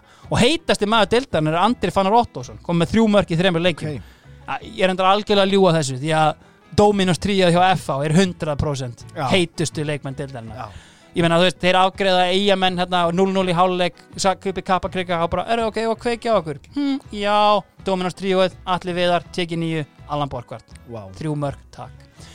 Dominos, þú veist, og, og, og, þetta er ekkert bara Dominos 3 sem að FH var að vinna með þarna. Því að þeir eru líka með tvennutilbóðið í hafsendunum Tommy Nílsen og Auðun Helgason. Sko, það er bara spicy cajun bröðstangir út um allan völlin annar stað, sko, þetta er bara algjör geðveiki sem þeir eru í hérna Herru, Tryggvi er komið með fimm mörk í fyrstu þremur leikjunum. Hann þarf að kveða niður þessa mýtu um að atvinnumenn eigi erfitt með að plumma sig á Íslandi. Já. Ég er enda að vera að pæla í því, þú veist er þetta þetta er alltaf talað um þetta. Já. En erum við ekki bara alltaf föst í því hvað Rúnar Kristinsson var ógeðslega lélega þegar hann kom hérna? Og Brynjabjörn Þetta eru svona tveir menn sem einhvern veginn er alltaf dregnir fram þegar það er að um en Þannig að þú veist, hversu Já, hann nákvæmlega. Hann er bara, þú veist, þetta er bara svona gaur sem að er Það er ekkert, það er nákvæmlega ekkert fancy í hans leik, sko. En þú veist, ég held samt að hann gerir bara helling, sko, með að vera það, já. sko. Þannig að, þú veist, ég held Ég væri til að taka bara sér þátt um þetta einhvern tíman þegar okkur vantar hérna content Já. einhvern tíman og bara ræða og krifja þetta. Bara, úst, hversu s- satt er þetta? Herri, stórleiku fjórðu umferðar FH mætu upp í frostaskjól og það er bara 1-0 sigur Jón Þorgrímur kemur inn í byrjunleið og skora glæslegt skallamark sláin inn. Þú veist, þetta, ég man mjög verið eftir þessu leikrendar af því að hérna, beint eftir leik þá fer Maggi Gilva í viðtal virkilega heitur og Káir hafði fengið víti mjög seint í leiknum sem var basically varað af bara eitthvað, dómarndandi víti tala sem aðstofadómar, uh, rángstaða þetta var aldrei rángstaða og þetta, ég átta mig ekki alveg á hvernig svona nútíma tæknin hefur verið þarna, en Magnús Gilvason sér þetta, hann fæ bara Magnús viljum aðeins að sjá þetta hérna, hann er bara út á velli. Ok. Maggi trullist þið sjáu það alveg, hann er þetta þetta getur að vera rást, þetta er akkit og bara veður út úr viðtalinu. Þannig að þú veist, hérna eru menn orðnir heitir Já. í vesturbænum sko. Herru, um, allan á sama tíma vinna Valur örugan sigur á fram og rústa svo Keflavík í hérna, næstu umferð. Þannig að hér erum við komin inn á það að Gummi Ben er sko vinna fram 3-0 Keflavík 5-1 þeir eru búin að skora áttamörkan í tveimuleikjum Gummi Ben búin að leggja upp sex. Hann er að hóta stóðsendinga metinu Sissi Júli er komin á blað. Matti Guðmund skorar og skorar. Það er endar eitt með Matta Guðmund sem ég veit ekki hvort að menn hafa tekið nógu vel eftir. Ég held að 90% af mörkunum hans í eftir deild sem eru þó nokkur séu í mæ og júni hann er vormaður. Ok. En þú veist, á móti að fyrir endar í það setna en þú veist, Eru margir vorumenn? Hann er svona anstæðan við Harry Kane einhvern veginn, þú veist, Já. kemur with a bang inn í mótið, þú veist, fylgismenn eru náttúrulega vormenn. Já, já, veist, já, eh, síðasti leikmann sem ég hefði sænaði fylki væri Mattias Guðmundsson af því það var allt til taks á vormánuðunum sko. en í uppgjöri botliðana þá vinna Grindavík sinn fyrsta sigur gegn IBVF og skilja þá eina eftir án stiga uh, þróttara. Ja, sérst, án sigurs því að þróttara náðu jafntefli gegn keflugengum þar sem að Pabbi Einars jafnaði leikin og vítaspilni eftir að a little fella called Haugur Páll Sigursson var feldur í tegnum Ok. Nútími Vá. við nálgumstig. Tvent aðteklisvert við þennan leik uh, fyrsta jafnteflið á mótinu í fymtu umferð. Og Gunnar Hilmar Kristinsson kom inn á, á 850 mínúti og fekk rautspjald á 90 allavega.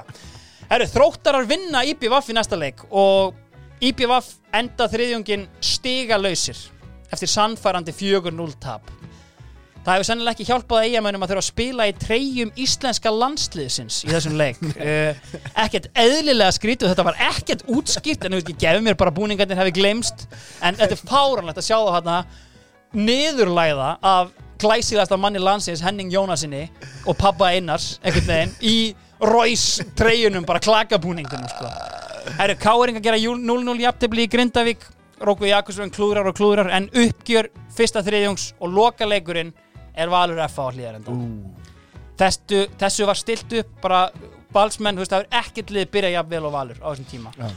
uh, sem nýlega er í deildinni segi það er bara að mæta tvö lið 5-0-0 bæði stungin af, gjörsanlega F á vinnanleik 0-1 en þetta var no contest. Ok. Það var svona reynd að gera algjört húllum hæg upp í val, það var verið að kveðja hérna, gamla hænsnakofan, handbóltavöllin Já. okkar, það var eitthvað svona celebrity leikur Júli Jónasar, Geiri Sveins og Steppi Hilmars og einhverja að spila þarna, Júli Sleggja og okkar og eftir það, herru, nú töltum við hérna yfir á, á græsvöllinu og sjáum valsarinn okkar taka F-áingan í nefið Ný Þeir skora marki á 12 mínútu og fyrir það var Tryggvi búinn að skjóta í slána allan í stöngina og bara miklu betri. G-litli Ben reyndi að mánta comeback og hann var nálægt í að skora fallegasta mark sem ég hef séð í íslensku fótbolta. 90. mínúta það er er ykkur darra að dansa í tegnum og boltinn best sko, hann er á vítategslínunni samt ekki beint á markið þú veist, hann, er langt frá. Og bara, hvað gerir GBN með bakið í markið? Hún líður best með bakið í markið og boltan í loftinu. Það er auðvitað hjólari. Yes.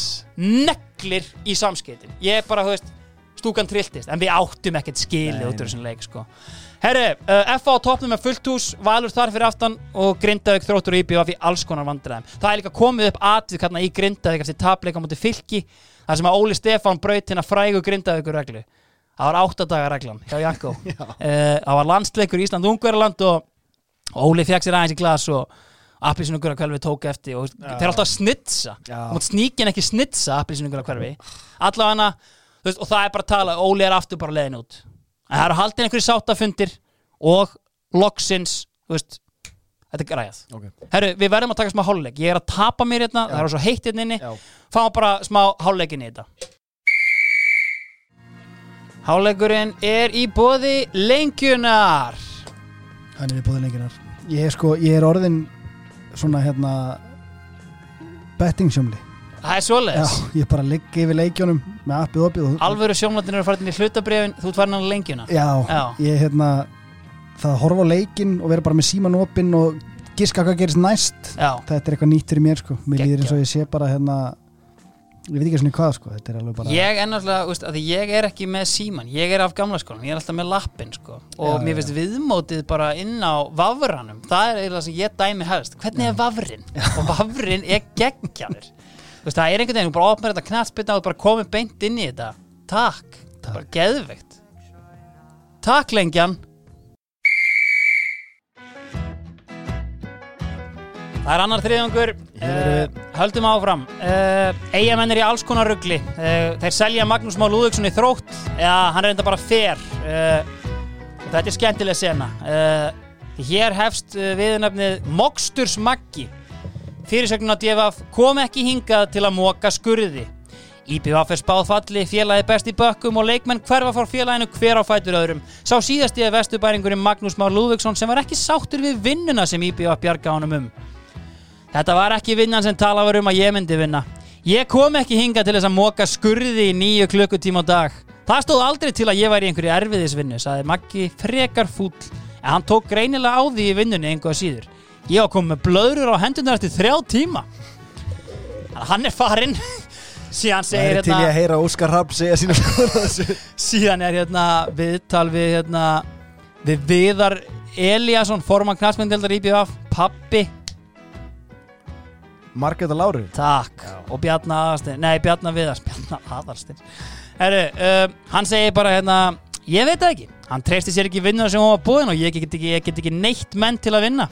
Ég vorkinni engum að vinna og æfa fótbolta enda er ég alin uppið það sjálfur og hef átt marga félagi í boltanum sem hafa unni mikið og staðið sig þar að ekki vel í boltanum.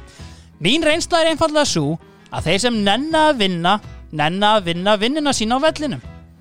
Svo einfalt er það. Maggi, sayonara.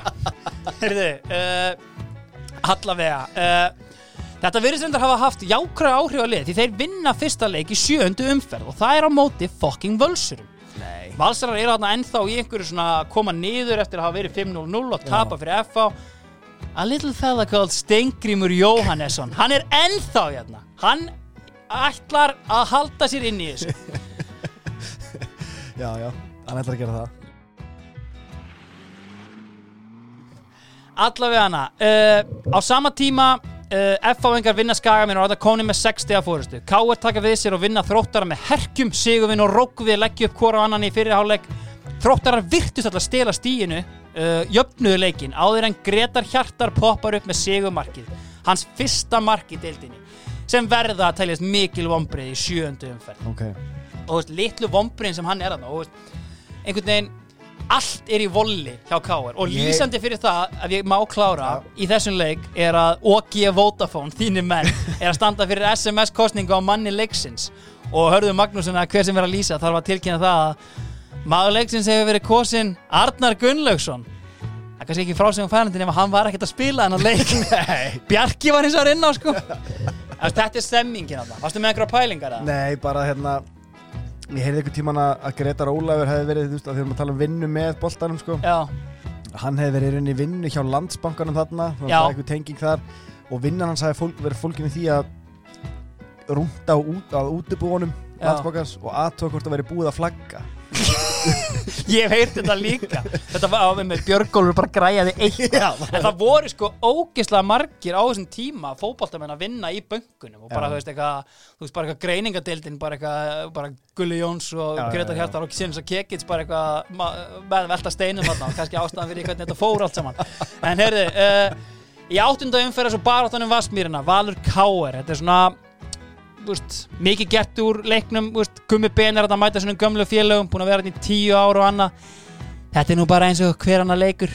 Uh, ég fekk það upp bara í draumalegin að þetta var alls Nei. hver annar leikur. Og ég meina hann er búin að spila hérna í einhverja 70 sekundur hann er búin að klína honum fram hjá góðvinni sínum Stjána Fimboa þetta var gjörsum upprúlum ég veit hugsa ég oft um hennar leik. Við vorum hérna mættir, við vorum nýlegar reynda búin að tapa tveim í röð. Já. en ég veist hvort að hérna, Matti Gumm hendi sér bara í tvennu það er ennþá júni, hann getur ennþá skorað. Já, já. Hann er komin alveg með einhver sko sjö mörk hann bara í lok júni og var raðandi inn. Herri, hvað séru? 3-0 Já, 3-0, bara þægilegt. Og Tryggvi Bjarnar fekk hérna eitthvað glórulust rautt spjald þarna ofan á allt annað, átt að fá svona þrjú rauð áður en hann var reikin út af Það allavega. Það er algjör krísa þarna. Herru, næsti leikur, þetta heldur áfram. Maggi Gilva er að bæta alls konar met. Uh, hann tapar fyrir skaganum og þetta er svona síðasta víið fallið Fyrsta tap Káeringa heima gegn skaganum í tíu leikjum í röð. Og annan leikin í röð skorar Hafvélin, Hafþór Ægir Vilhjámsson Ok. Bjarnólu Lárusson fekk svo rautspjald fyrir að, gríp, grí, uh, fyrir að grípa í pungin á reynsa le. Skemmtilegt nokk. Uh, Grindvíkingar er alltaf fórum að taka við sér. Þeir færðu Kekic framar á völlin og jú, þeir fá á sig mörk en þá skorar hann bara. Uh, þeir náða kraflingustíð og svo mjöguðu sér aðeins upp töfluna öll liðin samt fara að draga inn og eigamenn vinna fram í tíundu umferð. Og ég talaði um góða byrjun hjá framáðan en að sjálfsögðu er eigamönnum að takast að draga fram niður í drullina eftir þessa frábæru byrjun. Og we've been here before. Profesorinn deyr ekki ráðalaus og sér að hann er glæsilegur danskur maður sem fær ekkert að spila hjá Val. Bo Henriksen sækir hann yfir í júli glugganum til að reyna að leysa einhver vandamál. Hann byrjar að tikka þetta inn einhverju mörgum og meirum það síðar. Herru, fylkismenn halda áfram að ausa á vandræði káringa Þeir vinna sinn fyrsta sigur í Vesturbæi 12 ár og þar með eru Káar búin að tapa þremur deildarleikjum í röð og það er orðið verulega heitt undir Magnúsi Gilvasinni sem er ekkit eðlilega pyrraður í öllum vittulum og veist, þetta bara er ekki að smetla þarna hjá hann sko. uh, Maður sjá uh, b- b- b- Þróttarar mæta svo valsmönnum uh, á heimavelli. Háldan Gíslason og Garðar Gunnlaugsson með tvö mörg Já, Háldan Gíslason er ennþá hérna bolvíska stálið. Hann tekar inn Djöflast. Hann kom inn á 83. mínútu fekk gult spjald 10 sekundum síðar og hleyður svo í glæsilegt mark 3 mínútum fyrir leikslokk Hér erum við einfallega komin á þann stað. Það reyfið ekki ekki? Já. Ég held að væri ekki hægt en Ásker Eliasson er rekin. Uh, Þróttarar eru með 5 stig. Þeir eru á botninum. Það er ekkert að frétta fyrir utan þarna þegar unnu íslenska landslið. Formið eigamanna 4-0 og það er, úst, en málið er að það er ennþá hægt að bjarga þessu. Ég held svona að það það verðst að vera málið úst, þetta er komið í þrótt. Geiri Eli er búin að vera hann í 5 ár. Já. þetta er svolítið tappað af. Og það eru 5 stig upp í sjötta sæti þar sem að káeringar eru í alls konar brasi með 10 stig. Svo þeir sækja Atla Eðvaldsson og hann klára tímabilið með liðinu. Ok uh, sjáum hvernig það fer. Fyrsti leikur Bó Henriksen uh, ekkert til að rópa húra fyrir. Sigurvin Ólafs með hamar af 30 metrum sláinin Gretar Hjarta með 2 Rókvi Litli Jakobsen meira sig að skora hana og með 2 assist. Við finnst ég tala allt og mikið um hann. Var hann kannski ekkert svona lélugur eða? Rókvi já, Ég kannski er þetta hans einu assist. Nei, menna, veist, Já kannski er ég bara að taka þetta allt til ég veit ekki, allavega hana. Uh, Bó Henriksen kom inn uh, fekk sig á rautt spjald fyrir Olbo að skota Tryggva Bjarnason sem að hefur eflust átt að skilja ef ég þekk hann rétt. en hérna, hérna tilla framar að sér á botnin eftir sitt fymta tap í röð. Því að þróttarar undir stjórn Alla Eðvalds heyrir að finna gýrin búin að sækja fjögur stígi fyrstu tveimur leikunum hans og halda hreinu í þeim báðum. Það er verið að drilla eitthvað Já. æfingasvæðinu Herru, 24. júli K.R. Keflavík. Jújú, Gústi Gilva kemur þeim yfir í 1-0 og allt þægilegt en svo bara eins og vanalega þetta síðan þá hrinur allt gjössanlega og Keflinginga kaffsigla þeim. En það konum með tvo nýja leikmenn. Guðmund Viða Mete Já. sem að bomban myndist aðeins á hérna áðan. Og Símon Samuelsen oh. tvítu hann færing sem að poppar hérna upp og nýja bandið hjá Keflavík er að vinna kraftaverk. Baldur Sigur eins og kongur. Guðjón Átni leggjandi upp hægri vinstri. Hólmar Örn og Jónas Guðni geggjar á miðinni og Gummi Steinast tikkandi inn sínum Þetta glæsilegu er rosalegt lið þegar maður sér það núna sko. A little fella called Haust Hörður Sveinsson. Já. hann har líka inni haustið Einmitt. sitt sko. Uss. Káringar on the other hand. Að rifið ekki ekki Magnús Gilvason, þetta er komið gott. Og þú veist, allur fréttaflutningu var þannig að þú veist eina ástæðan fyrir að vera ekki búið hann fyrr var að það var engin á lausu. Þeir mistu af alla eðvalds þannig að þú veist, hvað eigum við að gera? Jú, þeir eru í sjötta sæti. Þeir eru búin að tapa 5 af síðustu 6 leikjum í dild og byggar, Valur eru búin að kasta þeim út í byggarnum 13 stig og ég horf alltaf í markatöluna. Já, já, Já. gerir það. Já. 14-19 já hérna hér. Iss. herru, sko Steini Gísla, hann tekur við liðinu. Ok. Hann er, ég gleymdi hendur að minnast á það. Farewell to a Legend, hann laði skona á hilluna Já. Fucking king. Já. og sko, þú veist, Gunni Kristjáns hann var búin að spila vinstri bakur hérna þetta tímabil. Ok. af því að Helmis Matute gæti ekki raskat þannig að hérna Steina til aðstóðar það er þetta hringt í Valsmann. Eins og hann. Hann er hringin hann til aðstóðan hún er með við sögurna sem ég hef heyrt af honum þá get ég samt eiginlega ekki ímynda mér að hann sé að koma inn með einhverja geðveiki þarna eða hvað svona hans er. aðstöðunum okkur vantar einhvern til að dútla sér í tíinni hérna. herru, uh, og það sem ég finnst líka lýsandi er sko stemmingin í Vesturbæ. Þarna eru þeir búin að eiga hörmulegt sísón 2004 Já. uh, og byrja að setja sísón hræðilega. Það sem við hefum ekki minnst á nenga til er sko mætingin upp í Vesturbæ. Hún er búin að vera störtluð Ok þeir eru búin að averagea frá því að Magnús Orri Skram hann fór að banka upp á að fá já, völlin og hlutafélagi mætti Óskar Rapp með KR blæði sem að Örn Úlfar Sæfarsson prófarka las. Þú Þú veist, það er bara, þú veist, average attendance er bara 2000 til 2500 manns bara hverju einasta sísoni þetta er algjörlega glórulust sko. Hérna á móti Keflavík í tapinu 850 hræður í stúdíu þannig að þú veist, Nú ég skil þá vel að hafa einhvern veginn rifið ekki ekki þarna Herru, undir og stórmerki við lok annars þriðjóngs Birki Kristinsson kveður íslenska knaspinni því innilega meður vegna meðsla. Ah, Hann brýtur herðablað að sjálfsögðu eftir samstuð við a little fella called Davíð Þór Viðarsson sem hann keirir þarna inn í hann. Þú ætla að segja hann hefur verið að spranga? Nei. Nei, það hefði enda verið það hefði verið að sjálfsögðu. En nei, Davíð Þór keirir hann inn í hann og brýtur herðablað og Fantur hérna er sko Birkir að missa af sínum fyrstu leikjum á Íslandsmótinu síðan 1985 Nota bene, Ah. búin að fara í atvinnumennsku og Já, svona. en þegar hann er á Íslandi þá er hann ekki mist af leik frá 1985 Fucking Mr. Reliable. Sko, þú veist, 318 leikir í röð meðan hann var Met. samningsbundin á Íslandi. Þetta er metið. Þetta er metið, já, yfir leiki í röð. En hann er markmaður en þú veist, já, þetta er metið sko. Já. Gunnar Odds yfir útileikmenn Hvað var það eftir? það var Tíu 10 ár. 10 ár sko Sinnum 18, Já. 180 já, Já. eitthvað svo leiðis, algjörlega Herru, uh, og, og Birgir Kristins er nýfarin upp yfir Gunnar Odds sem hérna leikjast í leikmaðurinn í eftirdelt Ok. eh, nýfærin, hvort það var síðast tíma allan að skagamenn, við höfum lítið talað um þá uh, að því þeir eru svona í pakkanum fyrir neðan FH og Val uh, þar sem eru FH Keflavík eh, K, fyrirgeðu, Keflavík Fylkir, Skæin þetta eru svona, Hvernig skæin er ekki rákvæmt slutið þannig? Þeir eru alveg að því þú veist, ég meina, þeir sigra fylkismenn í þessu svona uppgjöri liðana sem eru ekki FH og Valur. Uh, Hjörtur Hjartarsson skorar úr vítaspilna á loka mínúndunum það er þetta ævintýralegt sigumark uh, þeir vönduðu hérna dómarnum ekki kveðnarkort, þetta var ekki bara Gilvi Orvarsson óvinnur árbæðinga. Hjörtur hafði fengið frábært færin í bóksinu kiksað boltan og dottið um sjálfan sig og fyrir það fekk hann vítaspilni uh, Það er bara ekki nógu mikil fjölmiðla umræð um skagan. Það er ekki nógu mikil í gangi. Það er alltaf að tala um KR og eitthvað annað. Það er ekkert bensín sem þeir geta nýtt í eitthvað geðvikið veist, býtu aðeins, komum inn á þetta eftir sko. Herru, Viktor Bjarki, hann hafi komið fylgismönnum yfir og kannski verðt að minnast á það að hann er að spila frábælega uh, Tveir af sterkustu mönnum deildarnar eru basically lánsmenn úr Víkingi Reykjavík sem var að hugsa sér gott til glóðarnar Bíddu, Úst, bara hann og Greta Sigfinnur henni í hafsendunni á val, þetta eru bara iconically, Já. bara tveir af betri leikmennum deildarinnar sem eru ekki í FH sko, ég meina, mótið er búið. Ég hef ekki nefnt að tala um þessa leiki hjá FH sko, þeir eru 12-0-0 Já, ok. með markatöluna 31-5 Shit. Valsmenn, úst, þeir eru að gera allt sem þeir geta, þú veist, þeir eru nýju stigum á eftir þeim, skilur, þeir eru með 21 stig eftir Já, 12 já. leiki sem er bara solid, sko, Já, en þeir eru samt í alvöru barningi hérna, sko.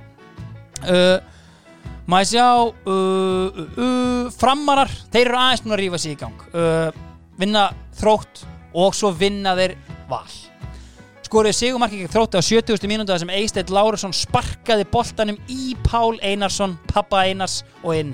Hefur fundið meiri fallfnik á ævinni? Nei Nei, en þessi leikur hjá Varm og Val, úst, hann er merkilega fyrir þess að gera ófjötiðan Bó Henriksson skora bæði mörg fram í leiknum og það verður allt gjörsamlega vittlust. Uh, Börkur heldur áfram að storma um sig og hann segir basically að fram hafi brotið heiðismanna rétt. Hann segist- Fræga heiðismann Já. að samkomulegið Sko, á föstu dag hringdu við til að ítrekka samkomulagi við Brynjar sem er held ég formaður fram eða frangatastöri fram.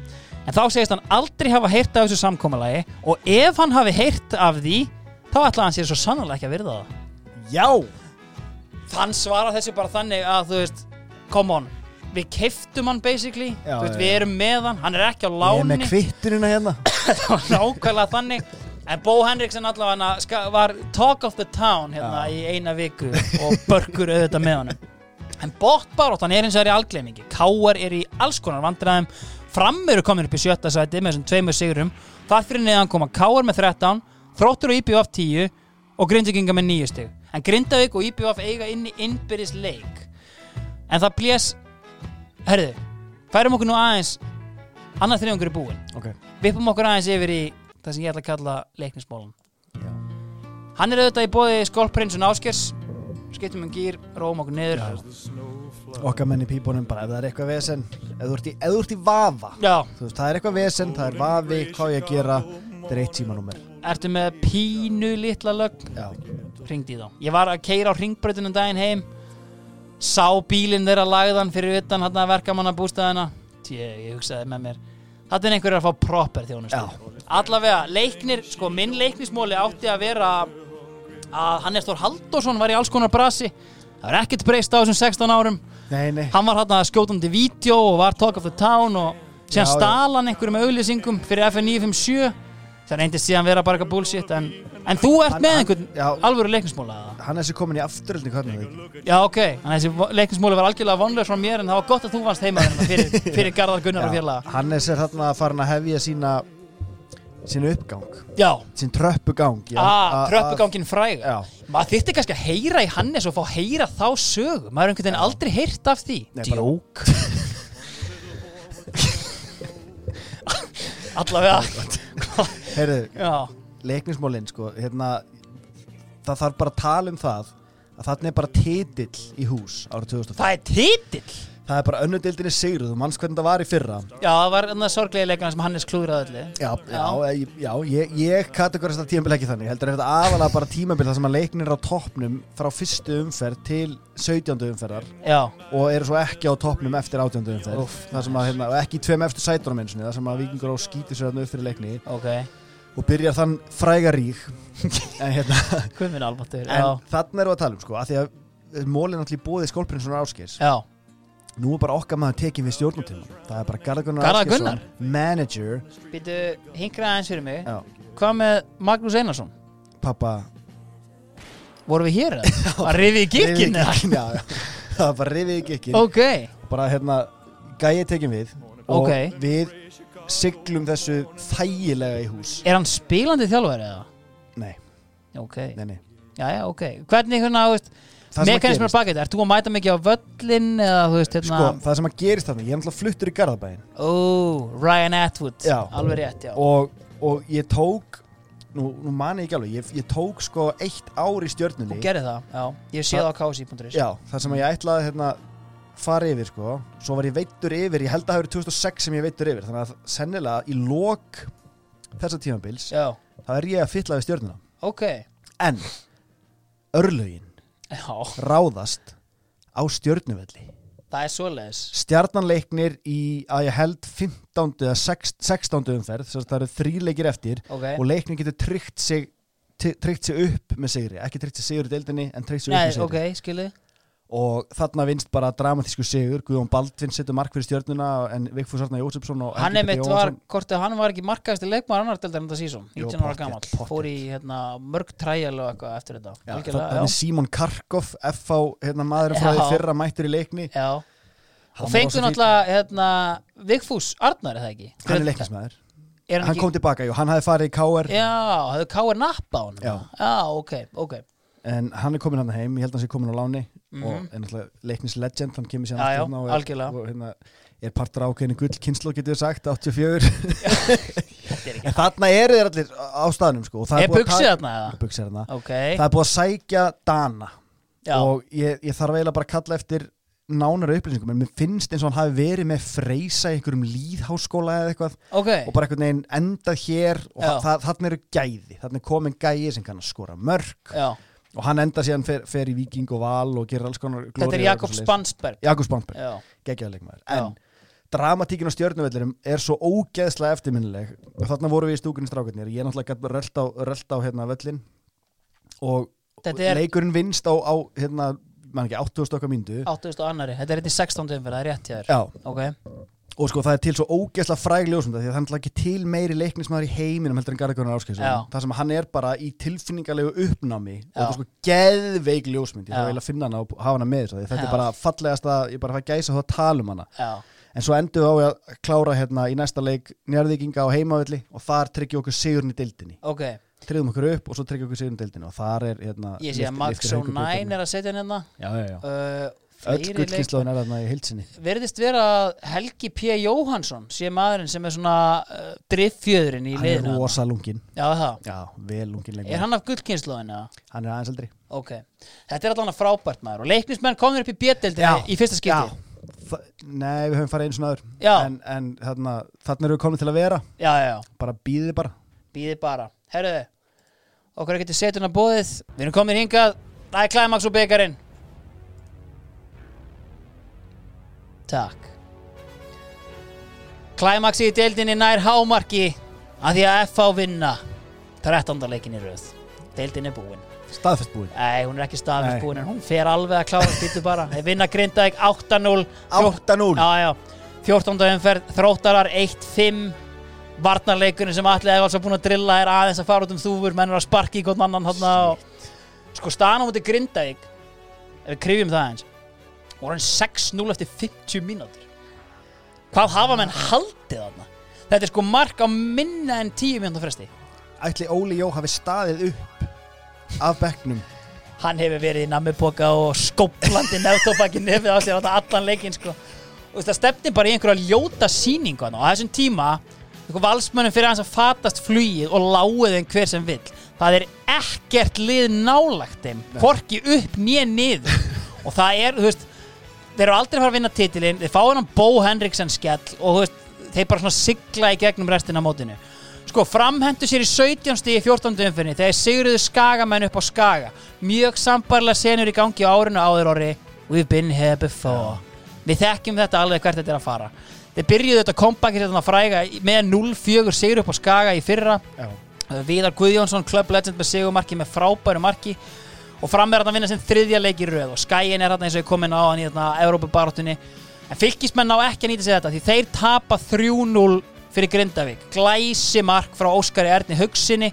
Hvort hann sko, veist þetta er sko, þetta mark er í topp 5 þættinum sem að Garðar gerði hérna í COVID-inu. Hérna, að kemur sending inn í hann skoppar einu sinni og bara instant svona hjólustur bara upp skeitin herru uh, og hann heldur grindvíkingum algjörlega á lífi því að eigamenn tapa fyrir káir Sigmundur Litti Kristjánsson með glæsilegt mark svona eitt af hans fáu framlögun til ísinga knatspinnu þó hann sé geggjaða gæi. Og eins og Sóli Hólm hefur kvitað fyrir. Herru eigamenn svöruðu aðeins fyrir sig og þeir slátra Grindavík í næsta leik. Pétur Óskar Sigursson lánsmaður frá FH í dag Óskar León tónlistamæður Já. Hann er hann með einhverja sýningu. Þeir hefðu fengið sérst lögi balt hann eftir að refurinn rændi á hann að stöðin í bakverðinum hann. Já, já, þá eru þeir komnir hérna til eigamanna sko eigamenn höfðu fyrir hennar leik aðeins skorað tíu mörg og setja hann að fimm. Þannig að þú veist, það er eitthvað að vakna hérna. Og þeir senda þróttar á botnin og spoiler alert, þróttar er falla veist, þeir falla endanlega í 16. umferð eftir tapa móti káeringum í lið káer er mættur Dalibor Páletik krótiskur hafsend sem skora sigumarkið og hérna er þriðji sigur káer í röð. Ok. Steina Gísla og eins að Dan þeir eru að takast því ótrúlega. Þeir er alltaf að bjarga káeringum frá falli. Valsarinn búinn að Steini er náttúrulega sigurvegari. Allavega, algjörlega. Heru, þeir eru unni hérna þróttara og Grindavík í algjörum 6 stiga fallbaráttu slag og káeringar eru svona að vera safe. Herru, 15. umferð FA Valur í Kaplakrika FA klára titilinn. Náðu þarna 14 stiga fórskoti uh, búinir að vinna alla 15 leikina sína. Þeir eru 15-0-0 tapar enda næsta leik á móti Skagan Hvernig er markatalan þeirra í stöðunni 15-0-0? hún var sko í alvörinni bara eitthvað 44 átta eða eitthvað. þetta var bara glóru laust herru, tapir på Skaga a big fella called Sigurður Ragnar Eyjólfsson. Poppar þetta upp með tvö mörg og hann er að koma með þrjú mörg í stöðu tveimur leikjum á Skaganum og Skagamenn eru komin í bílstjórasætið um þetta Evrópusæti. Ok, ok, ok. Þannig að það er í rauninni staðan og þetta er svona að því það er allt í hershöndum upp í árbæ á sama tíma. Guðni Rúnar Helgason, hann lendir upp á kant við Þorlák átna Börkur er auðvitað búin að segja okkur það en mjög auðvelt að lenda upp á kant við Guðni Rúnar. Það er ekkert mál og því vekk lági að kynnast. Talandi um Börk, hann er ekkert hættur Valur fekk 50 skrona sekt því þeir ringdu í Alla Jó, þeir eru bara farin að plana næsta sísón er að ringja í fleiri samningsbundan leikmenn og baða um að koma í val. Þetta er andra sko algjör farsi að því að sko hérna sko IPVF kvartar yfir val fyrir að tala um Alla Jó. Atviki átti sér stað síðastliðin uh, þriðjudag 23. ágúst er Alli fekk símtal úr GSM síma sem er skráður á Edvard Börk Edvardsson formann knatsbjöndeldar og fyrirtæki sem hann vinnur hjá Sá er ringdi í Alla, spurði hvort hann hefði áhuga á að ganga til þessu valsmenn því þeir hefði heyrt hann vera að flytja til Reykjavíkur og Valur væri metnaðafullu klúpur Atli sagðist að við hyggju að standa við samlingsinni á IPVF sem rennir út í loka ást 2006 eins og staðan væri núna. Viðmælandi mun þá hafa spurt Atla hvort hann geti ekki sagt upp samningnum sínum en Atli sagði nei. Símtali á sér stað aðeins 6 stögum fyrir leik val og IPVF. Þannig að þú veist þá hefur Valur sambandi leikmann án leifis IBVF en reglur kveða á um bla bla bla bla bla. Fótbolta.net hafði samband við Börk Edvardsson formann knallsmyndelda vals með því að ringja í símanúmerið sem ringt var í alla úr. Börkur sagðist ekkert kannast við hafa ringt í alla og sagðist aukin heldur ekki hafa hugmynd um hver Atli Jóhansson Nei. leikmaður IBVF er. Nei! Þrátt fyrir að staðfesta að hann fylgdist með íslenskum fótbolta. Ég sé haflega fyrir mig með glotti. Býtu, fylgist ekkert með íslenskum fótbolta? hann sagði að orðstæði gegn orði í þessu máli En hafði ekki heyrt að því að IBF hefði sendað einn kæri sér hann afsökunar á þessu veist að hérna Þa, Það er náttúrulega bara til gögn. Já, já, þetta er, þetta er mjög einfalt mál Hérna, Símtalaskarna mína. Æjæjæj, allavega hérna, Böktajalið. Því líkur geggjaði ná Já, Börkur. Herru, baráttan lifir ennþá með sinni hver er. Er það? Eftir 16 umferðir eru skæin með 23 stig, Keflæk með 21, Fylki 20 og Káeringar óvænt komnir úr fallbaróttinni í Evrópusætisbaróttina. Já, takk Það eru talandi um goddamn falldrein, þróttar eru farnir niður, uh, ég er aðeins búin að missa tökin á sig, reynum svona að fara grundið í þetta. Sko, eftir sigurinn á móti skaganum þá þetta framar algjörlega niður aftur. Þeir tapa fyrir Ok. fylki sem eru búin að senda Gunnar Rúnar í frí. Uh, þeir geta ekki unnið Grindavík í algjörum fallbaratusla í 16. umferð. Þannig hefðu þeir geta sendt Grindvíkinga niður. Ok. Grindvíkingar halda sér inn í þessu á líginni einni saman. Óli Stefán Flóvensson og Paul McShane komast á blað og hérna vil ég ræða eitt Já. að því að Óskar Örn Hauksson skora markur aukaspilnu hérna sem ég vil meina að sé upphafið að einu stærsta player trademark movie íslenska knattspinnu sögu Ok. sem að eru sérst aukaspilnunar hjá Óskari Erni Haugsinni Ser þetta fyrir þér? Veistu hvað aukaspinnu ég er að tala um? Er það um aðeins hægra megin? Aukaspilna basically þar sem að tveir leikmenn standa við boltan eins og þeir séu að íhuga hvað þeir ætla að gera og hinn svona no look rennir honum til hliðar. Já, mjög svona óþægilega og Já, já. Óskar basically í skrefinu hamrar hann. Já, ég veit hvað það um. Þetta er algjört TM Óskar Örn Já, Hauksson og hann stýrir æfingum á þessu fasta leikatriði á æfingavellir mér langar til að heyra í Óskari bara og ræða hvort hann átti sig á að bara, veist, hvort hann finnst það bara gegja þægilegt og hafa ekkert pælt í þessu öðru Já. eða hvort það hafi bara verið an epiphany á Já. æfingarsæði grinda ykkur að fyrsti maður sem tekur þetta með honum er auðvitað sínis af Valdimar Kekits til til að fá Óskar í drauma sennilega frá hún wow, Refurinn. dítill. Já, pottjett. Herru, uh, hvert er ég komin í þetta magnaðu þetta, hér tapar fylgir fyrir Keflavík og tapa enn einum svona leiknum um það basically að komast upp og svona að, að bara í klára Já, þetta er ekki flókið.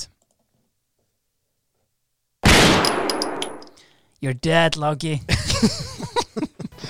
Þorlákur Átnarsson er rekin uh, staðan var einfalda þannig að hann var búinn að tilkynna leikmannahópnum að hann væri hættur til sísonið. Já, það tapar hann fyrir Keflavík og það er bara þú getur alveg eins farið núna Já. sko, þú getur ekki að gera nokkuð skapaðan hluti hérna. Herru Club Legend Sverris Sverris og Jón Þótt Svinsson klára tímabilið með fylki. Og þeir bjarga þeir, þarna eru fylkir komnir úr Evrópubaráttunni yfir í fallbaráttuna. En þeir bjarga sér í næstu umferð þegar Sverris Sverris drillar þá inn í sigur í Kaplakrika. Það er alvöru Íslandsmeistar að þinga þarna. Ok. þeir eru orðinir 15-0-2 búin að tapa tveimur í röð. Að krísa, nei Eyjamenn gera jafntefla sama tíma við Val þegar Bjarni Geir eh, sonur Viðars og bróði Margreðar tryggir þeim stig og heldur þeim frá bottsætinu 17. umferð Orri Eriksson fallnir þróttarar fá grindvikinga í heimsók markalöst í háleik en setni háleikurinn sá alfjöruasti Halldór Hilmis kemur þrótturum yfir. Paul Maxein jafnar Pappi Einars kemur þrótturum aftur yfir þar sem hann leggur boltan fyrir sig með höndinni. Og Robert Nistrói nei ekki Rúdvan Nistelrói Robert Nistrói leikmaður Grindavíkur jafnar leikin Grindvíkingar sækja og sækja og sækja en Fjallar Þorgers hann elskar bláa lónið. Já. hann ætlar að fá Grindavík með sér niður Já, í fyrsta silkimjúkur. svo hann geti farið aðeins og makað á sig smá smá gumsi þarna í bláa lóninu. Herðu, uh, 2-2 Sko, þetta geta eigamenn og framarar hins vegar ekki nýtt sér því bæðilið tapa. Fram tapa fyrir Keflavík og Skæin vinnur IBVF Þú heyrir það, þessi lið eru algjörlega að klára Európi baratuna Já. þarna. Fyrir loka umferðina erum við að horfa á stöðuna þannig. Grindaðik eru með 15 stig eru með langlélegustu markatöluna. Þróttur Eh, fallnir. Þróttur eru fallnir, þetta eru basically þrjúlið Þetta eru Grindavík, þetta er Fram og þetta er IBVF Ok, Grindavík með langlílustu markatöluna. Þeir eru með 15 stig. Þeir eru með einhver þeir eru 20 mörk í mínus eða eitthvað. Ok. sama tíma eru eigamenn og framarar jöfn með 17 stig. Þannig séð dugar báðum liðum jafntefli. Já. fram eru með aðeins betri markatölu.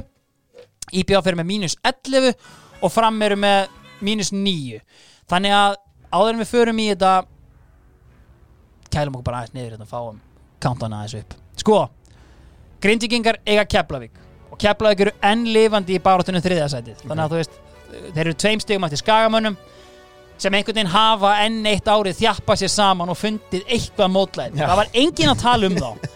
Gulli Jóns, sko, þú veist ég held hann hafi bara svona fólkið á Ólís á Akranesi. Það var eitthvað aðeins að tala um liðið já. og hann kom inn í klefan vitiði hvað eru að segja og þjöppuðu sér innilega saman. Og þeir eru auðvitað að klára sinnleik þeir vinna káringa og taka þar með the double á káir sem ég heldur hafi bara nánast aldrei náð á þessum tíma þrátt fyrir alla sigurgönguna. Þeir voru alltaf tapandi þarna. Já, já, já. en þú veist, ég, mögulega er þetta algjört bullshit. En þú veist, hérna, Við munum allavega ekki eftir í fyrir bræði nei. Allavega uh, á öðrum vikstöðum eiga IBV fylki upp í Árbæ og framarar eiga FH það er Íslandsmeistar að þinga hjá FH Búin að tapa tveimir röð. Búin að tapa tveir í röð. Þeir eru 15-0-2 Krísa Allavega.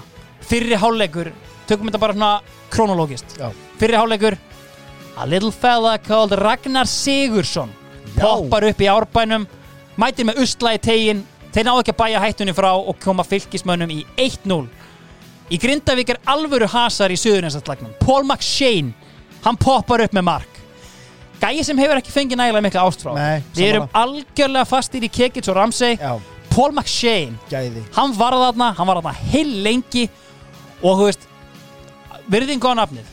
Sko eitt, þú veist, bláa lóns ljónin í Grindavík eins og ég nefndi hérna á Já. sko, þú veist, eitt sem hlýtur að vera mjög pyrrandi fyrir bæjarbúa Grindvíkinga að Grindavíkur að vera þarna með gufumökkin frá sko bláa lóninu sjá túristana læna upp hægri vinstra og hugsa God fucking damn it, þessir peningar fara allir á hlýðarönd Kísi lyktin bara Þetta er ekki peningalyktin við, ykkar við þurfum ekki að finna lyktin við tökum bara peningin.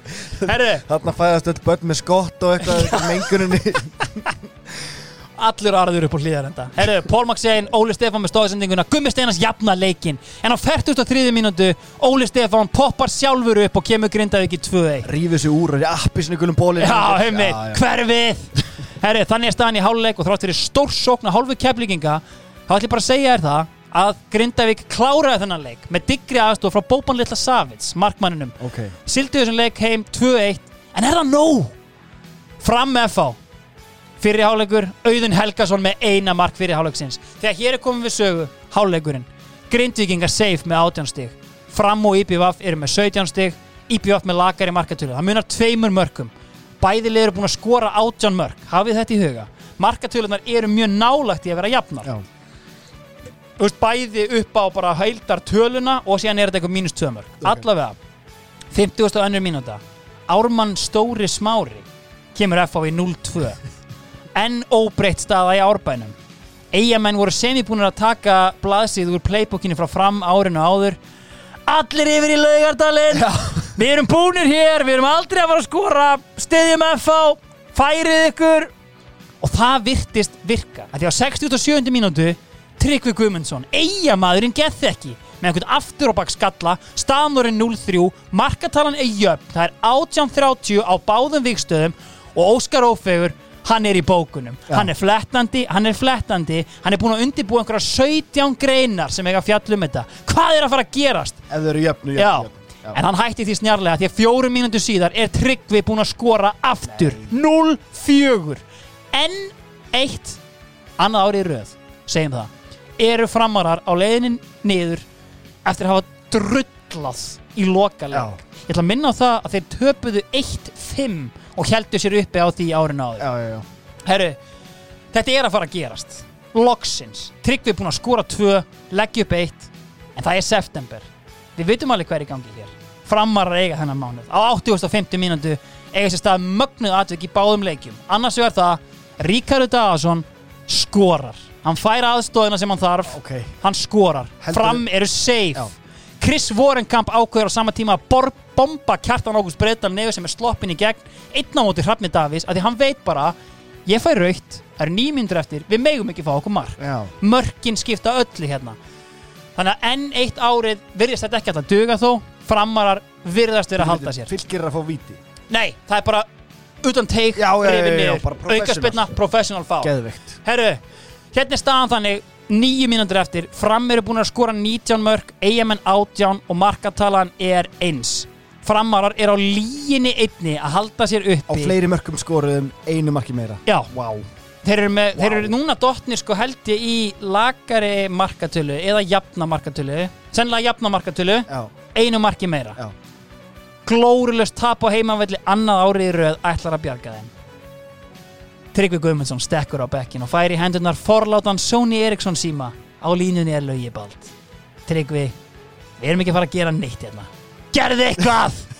88. mínútu frákast eftir misefna skot sem einhver framari kiksar og tekið nýju innsiklar þrennuna Nei. og innsiklar 1-5 sigur FH og loksins, loksins, loksins eru framarar farnir niður eftir sjö ár eftir sjö ár af þvælu Þú heyrir kannski að ég hef búin að setja The Professor með Damien Rice á fóninn og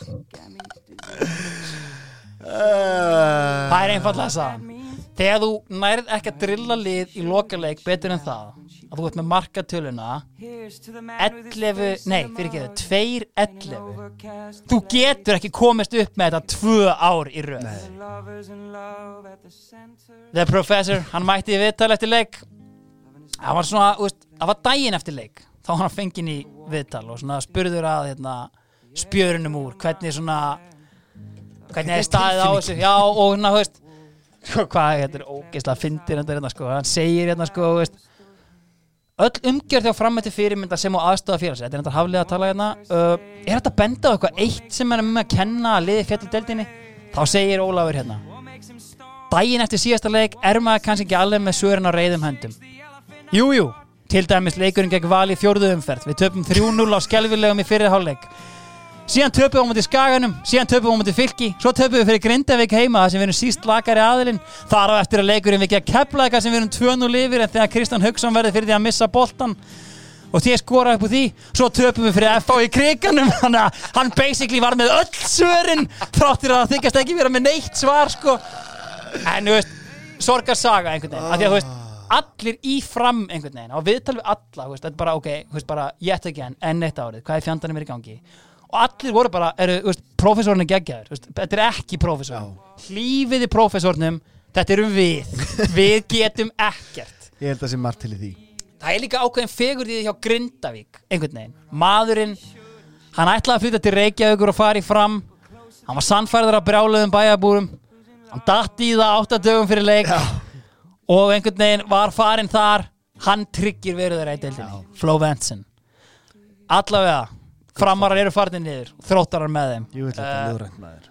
far vel uh, þú veist, ég hafði Tryggvi gaman að þetta er þú veist, það er allt poetic við þetta uh, þegar við siglum þetta inn á the three hour mark. Uh, herru, ég hætti verðin samt að gýra okkur upp í byggarinn Já, The Professor, hvernig það er, gaman að þessu. Þetta var ekki rétt herru, sko, undanústinni byggarnum vonlausir framarar, þeir mæta FH á fullu svingi. FH hafði slátra skaganum í áttalúslutum 5-1, uh, reyndar eftir framlengingu sem er frekar fyndið. Uh, framarar á sama tíma unnu eigamenn í framlengingu uh, með marki fári eitthvað daga geggjuð byggarkeppni þetta ár. Valur mætti fylki hinum megin uh, í undanúslutunum uh, Valur hafði farið í frostaskjóli í áttalúslutum Garðar Gunnlaugs með rýting í uppbútatíma og fylgir aðeins unni Háká sem var svona eitthvað gulli gulva búin að búa til einhverja byggarstemmingu kannski þýski. með svona hluti, já, emmitt með svona, svona fá kúreka stemmingu plata svona nýlið, alltaf að fara í kúreka búninga herru byggarslutin, uh, undanasti byggarslutin FH vs. Fram. Allan Borgvart gerði ekki annað þetta sísón en að gefa út hann alltaf að vinna tvöfald Já. og hann er búin að koma liðin í þægilega 2-0 stöð á lögutarsveitunum í fyrirháleik FH engar eru cruising.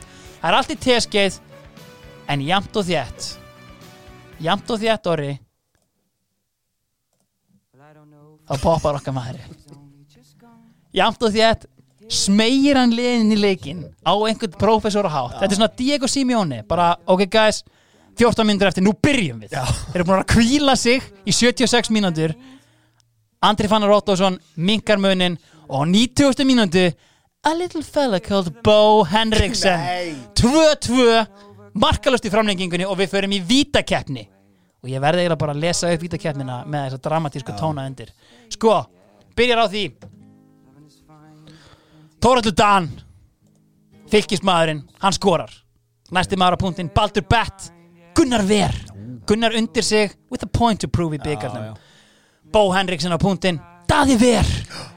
Goddammit Allan Borgvart skorar, Andri Fannar skorar Jónas Grani skorar, Viða Guðjónsson skorar Guðmundur Sæfarsson Refurinn skorar Yngvar Ólafsson skorar. Býttu erum konið í bráðabanna ekki strax. Tryggvi Guðmundsson, 50 umferð skorar. Víðir Leifsson, F-áingurinn Svonur Leifs íslensku kennara. Já. hann skorar, þeir eru inn í þessu. Ólaður Páll Snorarsson skorar. Gunnar Þór Gunnarsson skorar. Auðun Helgason skorar. Egger Stefánsson skorar. En það er tannlæknirinn Prófessorinn var búin að eyrnamerkja eitt tannlæknir þarna. Já. Gunnar, býttu þá til í nýjundu spynni þú verð þetta. Og hann ver spynnuna og lánlausir framarar eru komnir í byggarúslit ennþá Gunnar, Gunnar. eru F-áingar að koksa í byggarnum Já. þeir eru búin að vera í undanúslitum og úslitum ógeðslega mikið. Já. ég kemst eiginlega ekkert yfir það. Þeir ná bara ekki að krýja fram byggartitil allavega hinum megin þægilegu varsigur, Garða Gunnlaugs með bæði mörkin Joe manna káttastur í lautinni tjantandi Eitt herra Ísland.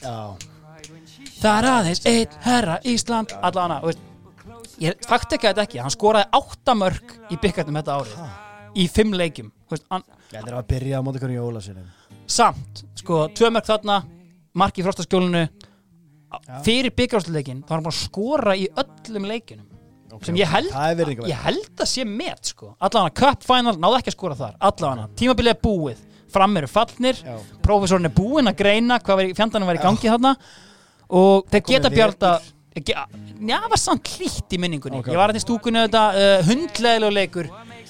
En í upphafi setni áleiks Baldur, það er engin betur en Baldur. Það er engin betur en Baldur Ingimar.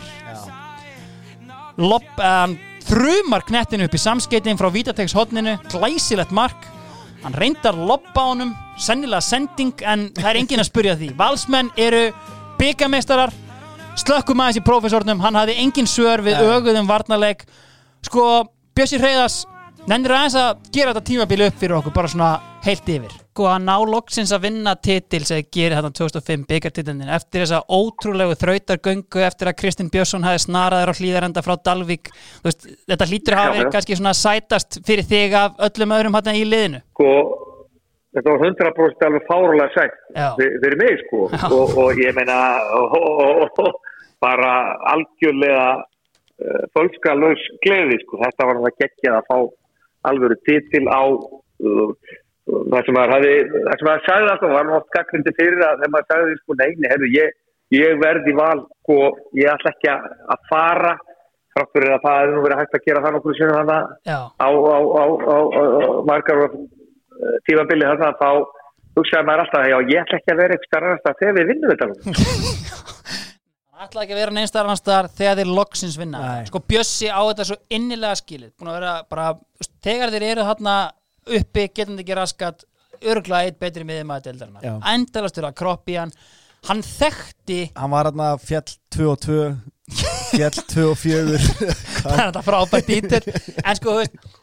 hann þekkti sigur tilfinninguna samt. Hann var í liðinu 92 hann var, hóp, hann var í hóp hérna, í byggjárslundunum hérna, þegar Antoni Karl tekur hjólustinn og við vinnum 5-2 þannig að þú veist innilega fallegt einhvern veginn fyrir Bjössa hérna, að lifta titlinum ég fór í gott hérna, partí uh, á þessum tíma uh, en það var auðvitað bara gamla skóla úst, út á Róló með nokkra kalda. Já, já. Jó reyndar ekki í kvöldum hérna en leta aðra um það. Uh, nenn ekki að tala um það en það voru sömu mennirnir og voru að sturti í sig á skútir hérna langt fyrir aldur fram. Já, já. en hérna allavega hana herru, uh, fáum bara upp hérna countdown betan okkar aftur.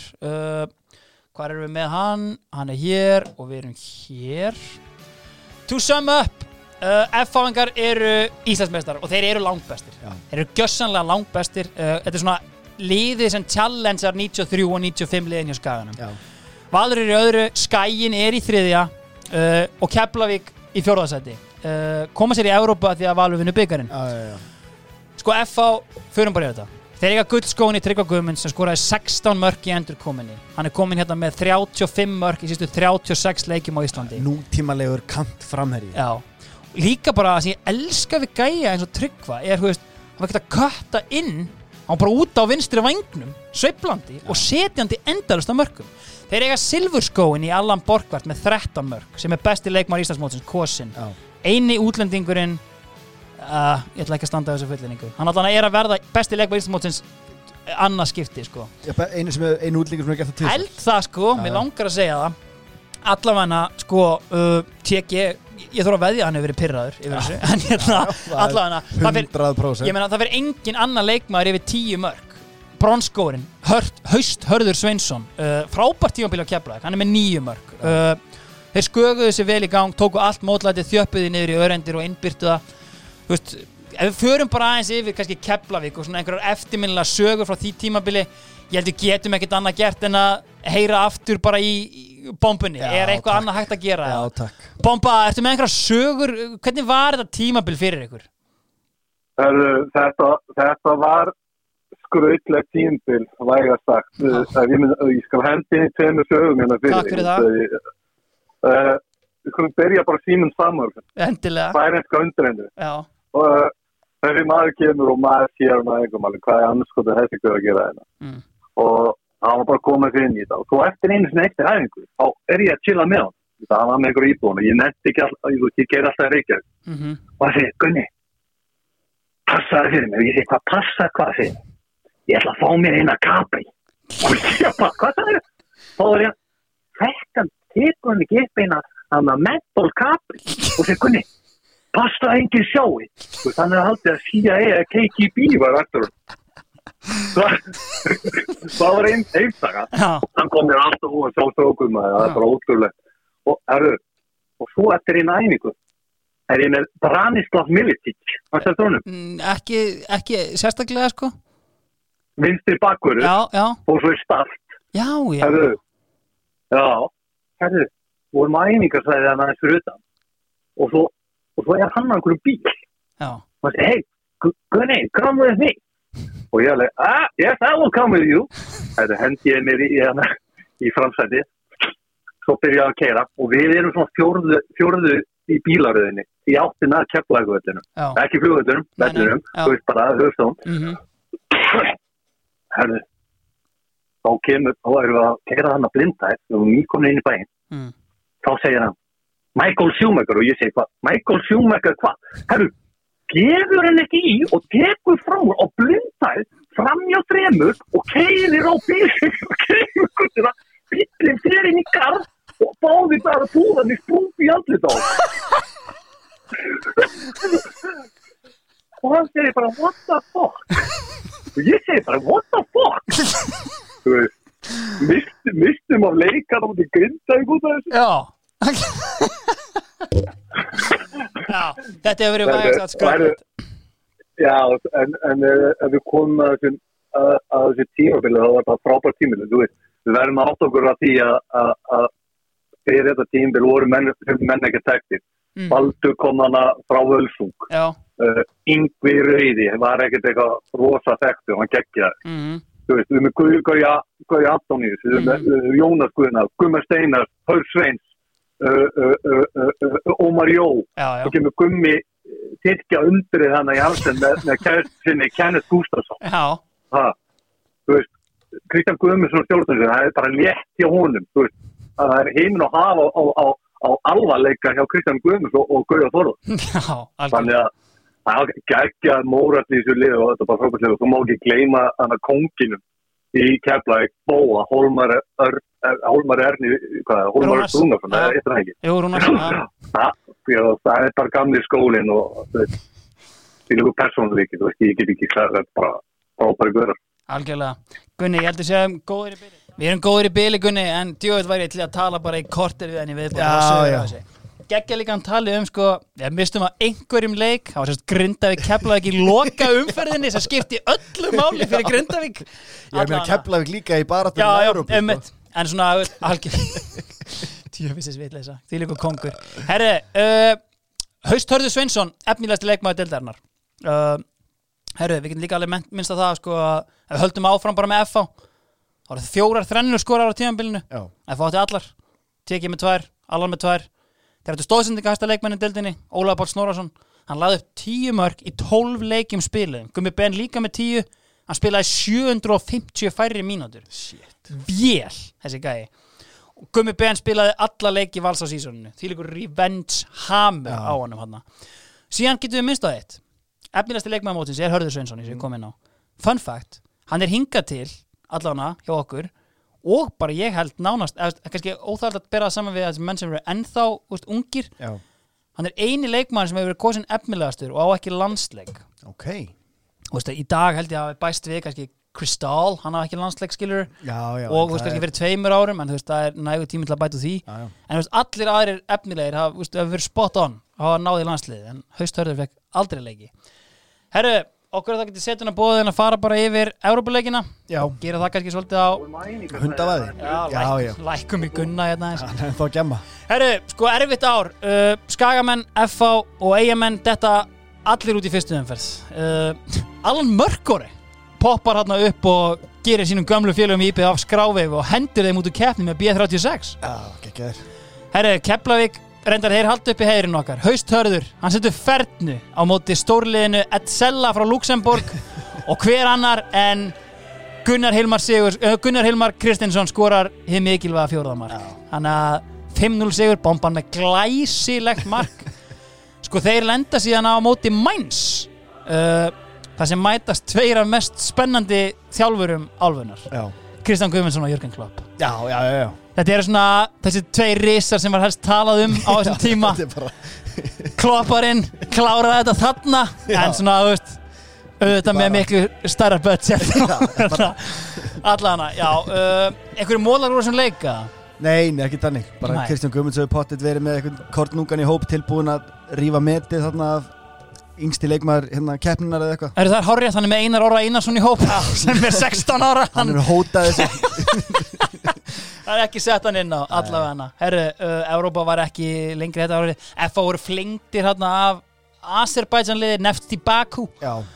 Það voru- mikið, þetta var svona sjokk fyrir okkur eitthvað lang, lang besta lið er hérna að tapa sko, 5-0 fyrir einhverju liði frá Azerbaijan sem var síðan pakkað saman af lókarinn eða anderlegt eða eitthvað. Það finnir þessi Azerbaijan og hérna, þessi liðið öll saman veist, eins og núna í þessari sambandstild já, einhver leikur á milli Karabakh og einhvers, þetta er bara Azerbaijan lið á móti Kazakstan lið Já, og það er að vera að peppit upp einhvern veginn fyrir mjög takk. herru, klárum þetta á landsliðinu. Samba.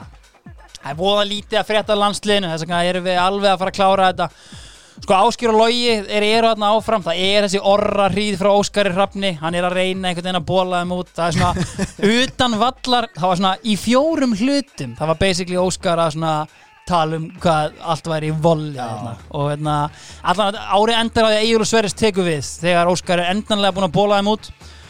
Og veist, við erum að sigla inn í erfitt era hjá íslenska landsliðinu þú veist, þetta er svona era þar sem að, veist, ég get nefnt gæja eins og Stefán Gíslason uh, Bjarna Ólaf Eiríksson kannski setna meir. Já, svona Ólafur Örd Bjarnason meiri segja jafnvel uh, þetta er svona gæjar sem að þú veist, var bara algjört skotleifi á á öllum kaffistofum, í öllum fjölmiðlum og bara það mátti urða yfir þessa gæja sem eiga bara proper, proper atvinnumann að ferla Já. út í heimi. Bara, þú veist, þeir eru menn sem eru að fá fullt af peningum þeir eru að spila með topp leikmönnum og þú veist bara einhvern veginn við getum ekkert og það er bara þessi menn get ekki raskat Já, já, já. hvað erum við að gera, tjöfill erum við fucking liðlegir það er svolítið svona lenskan sem við erum í hérna.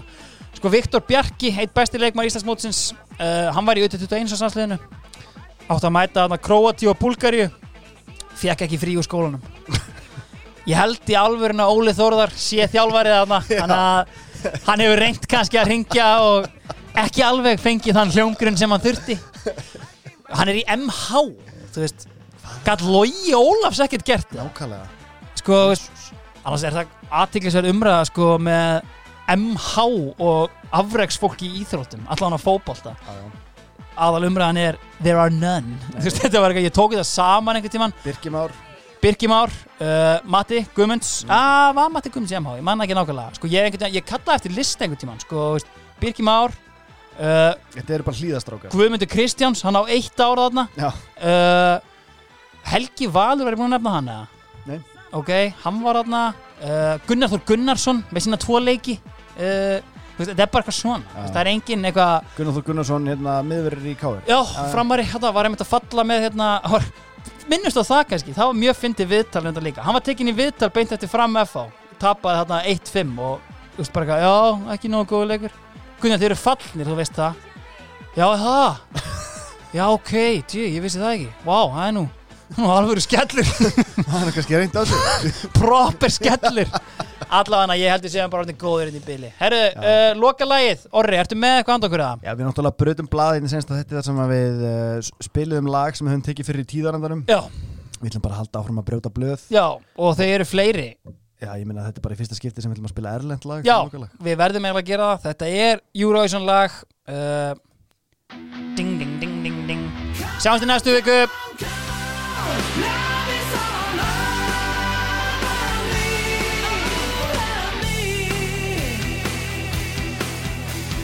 I don't know if this is what it seems.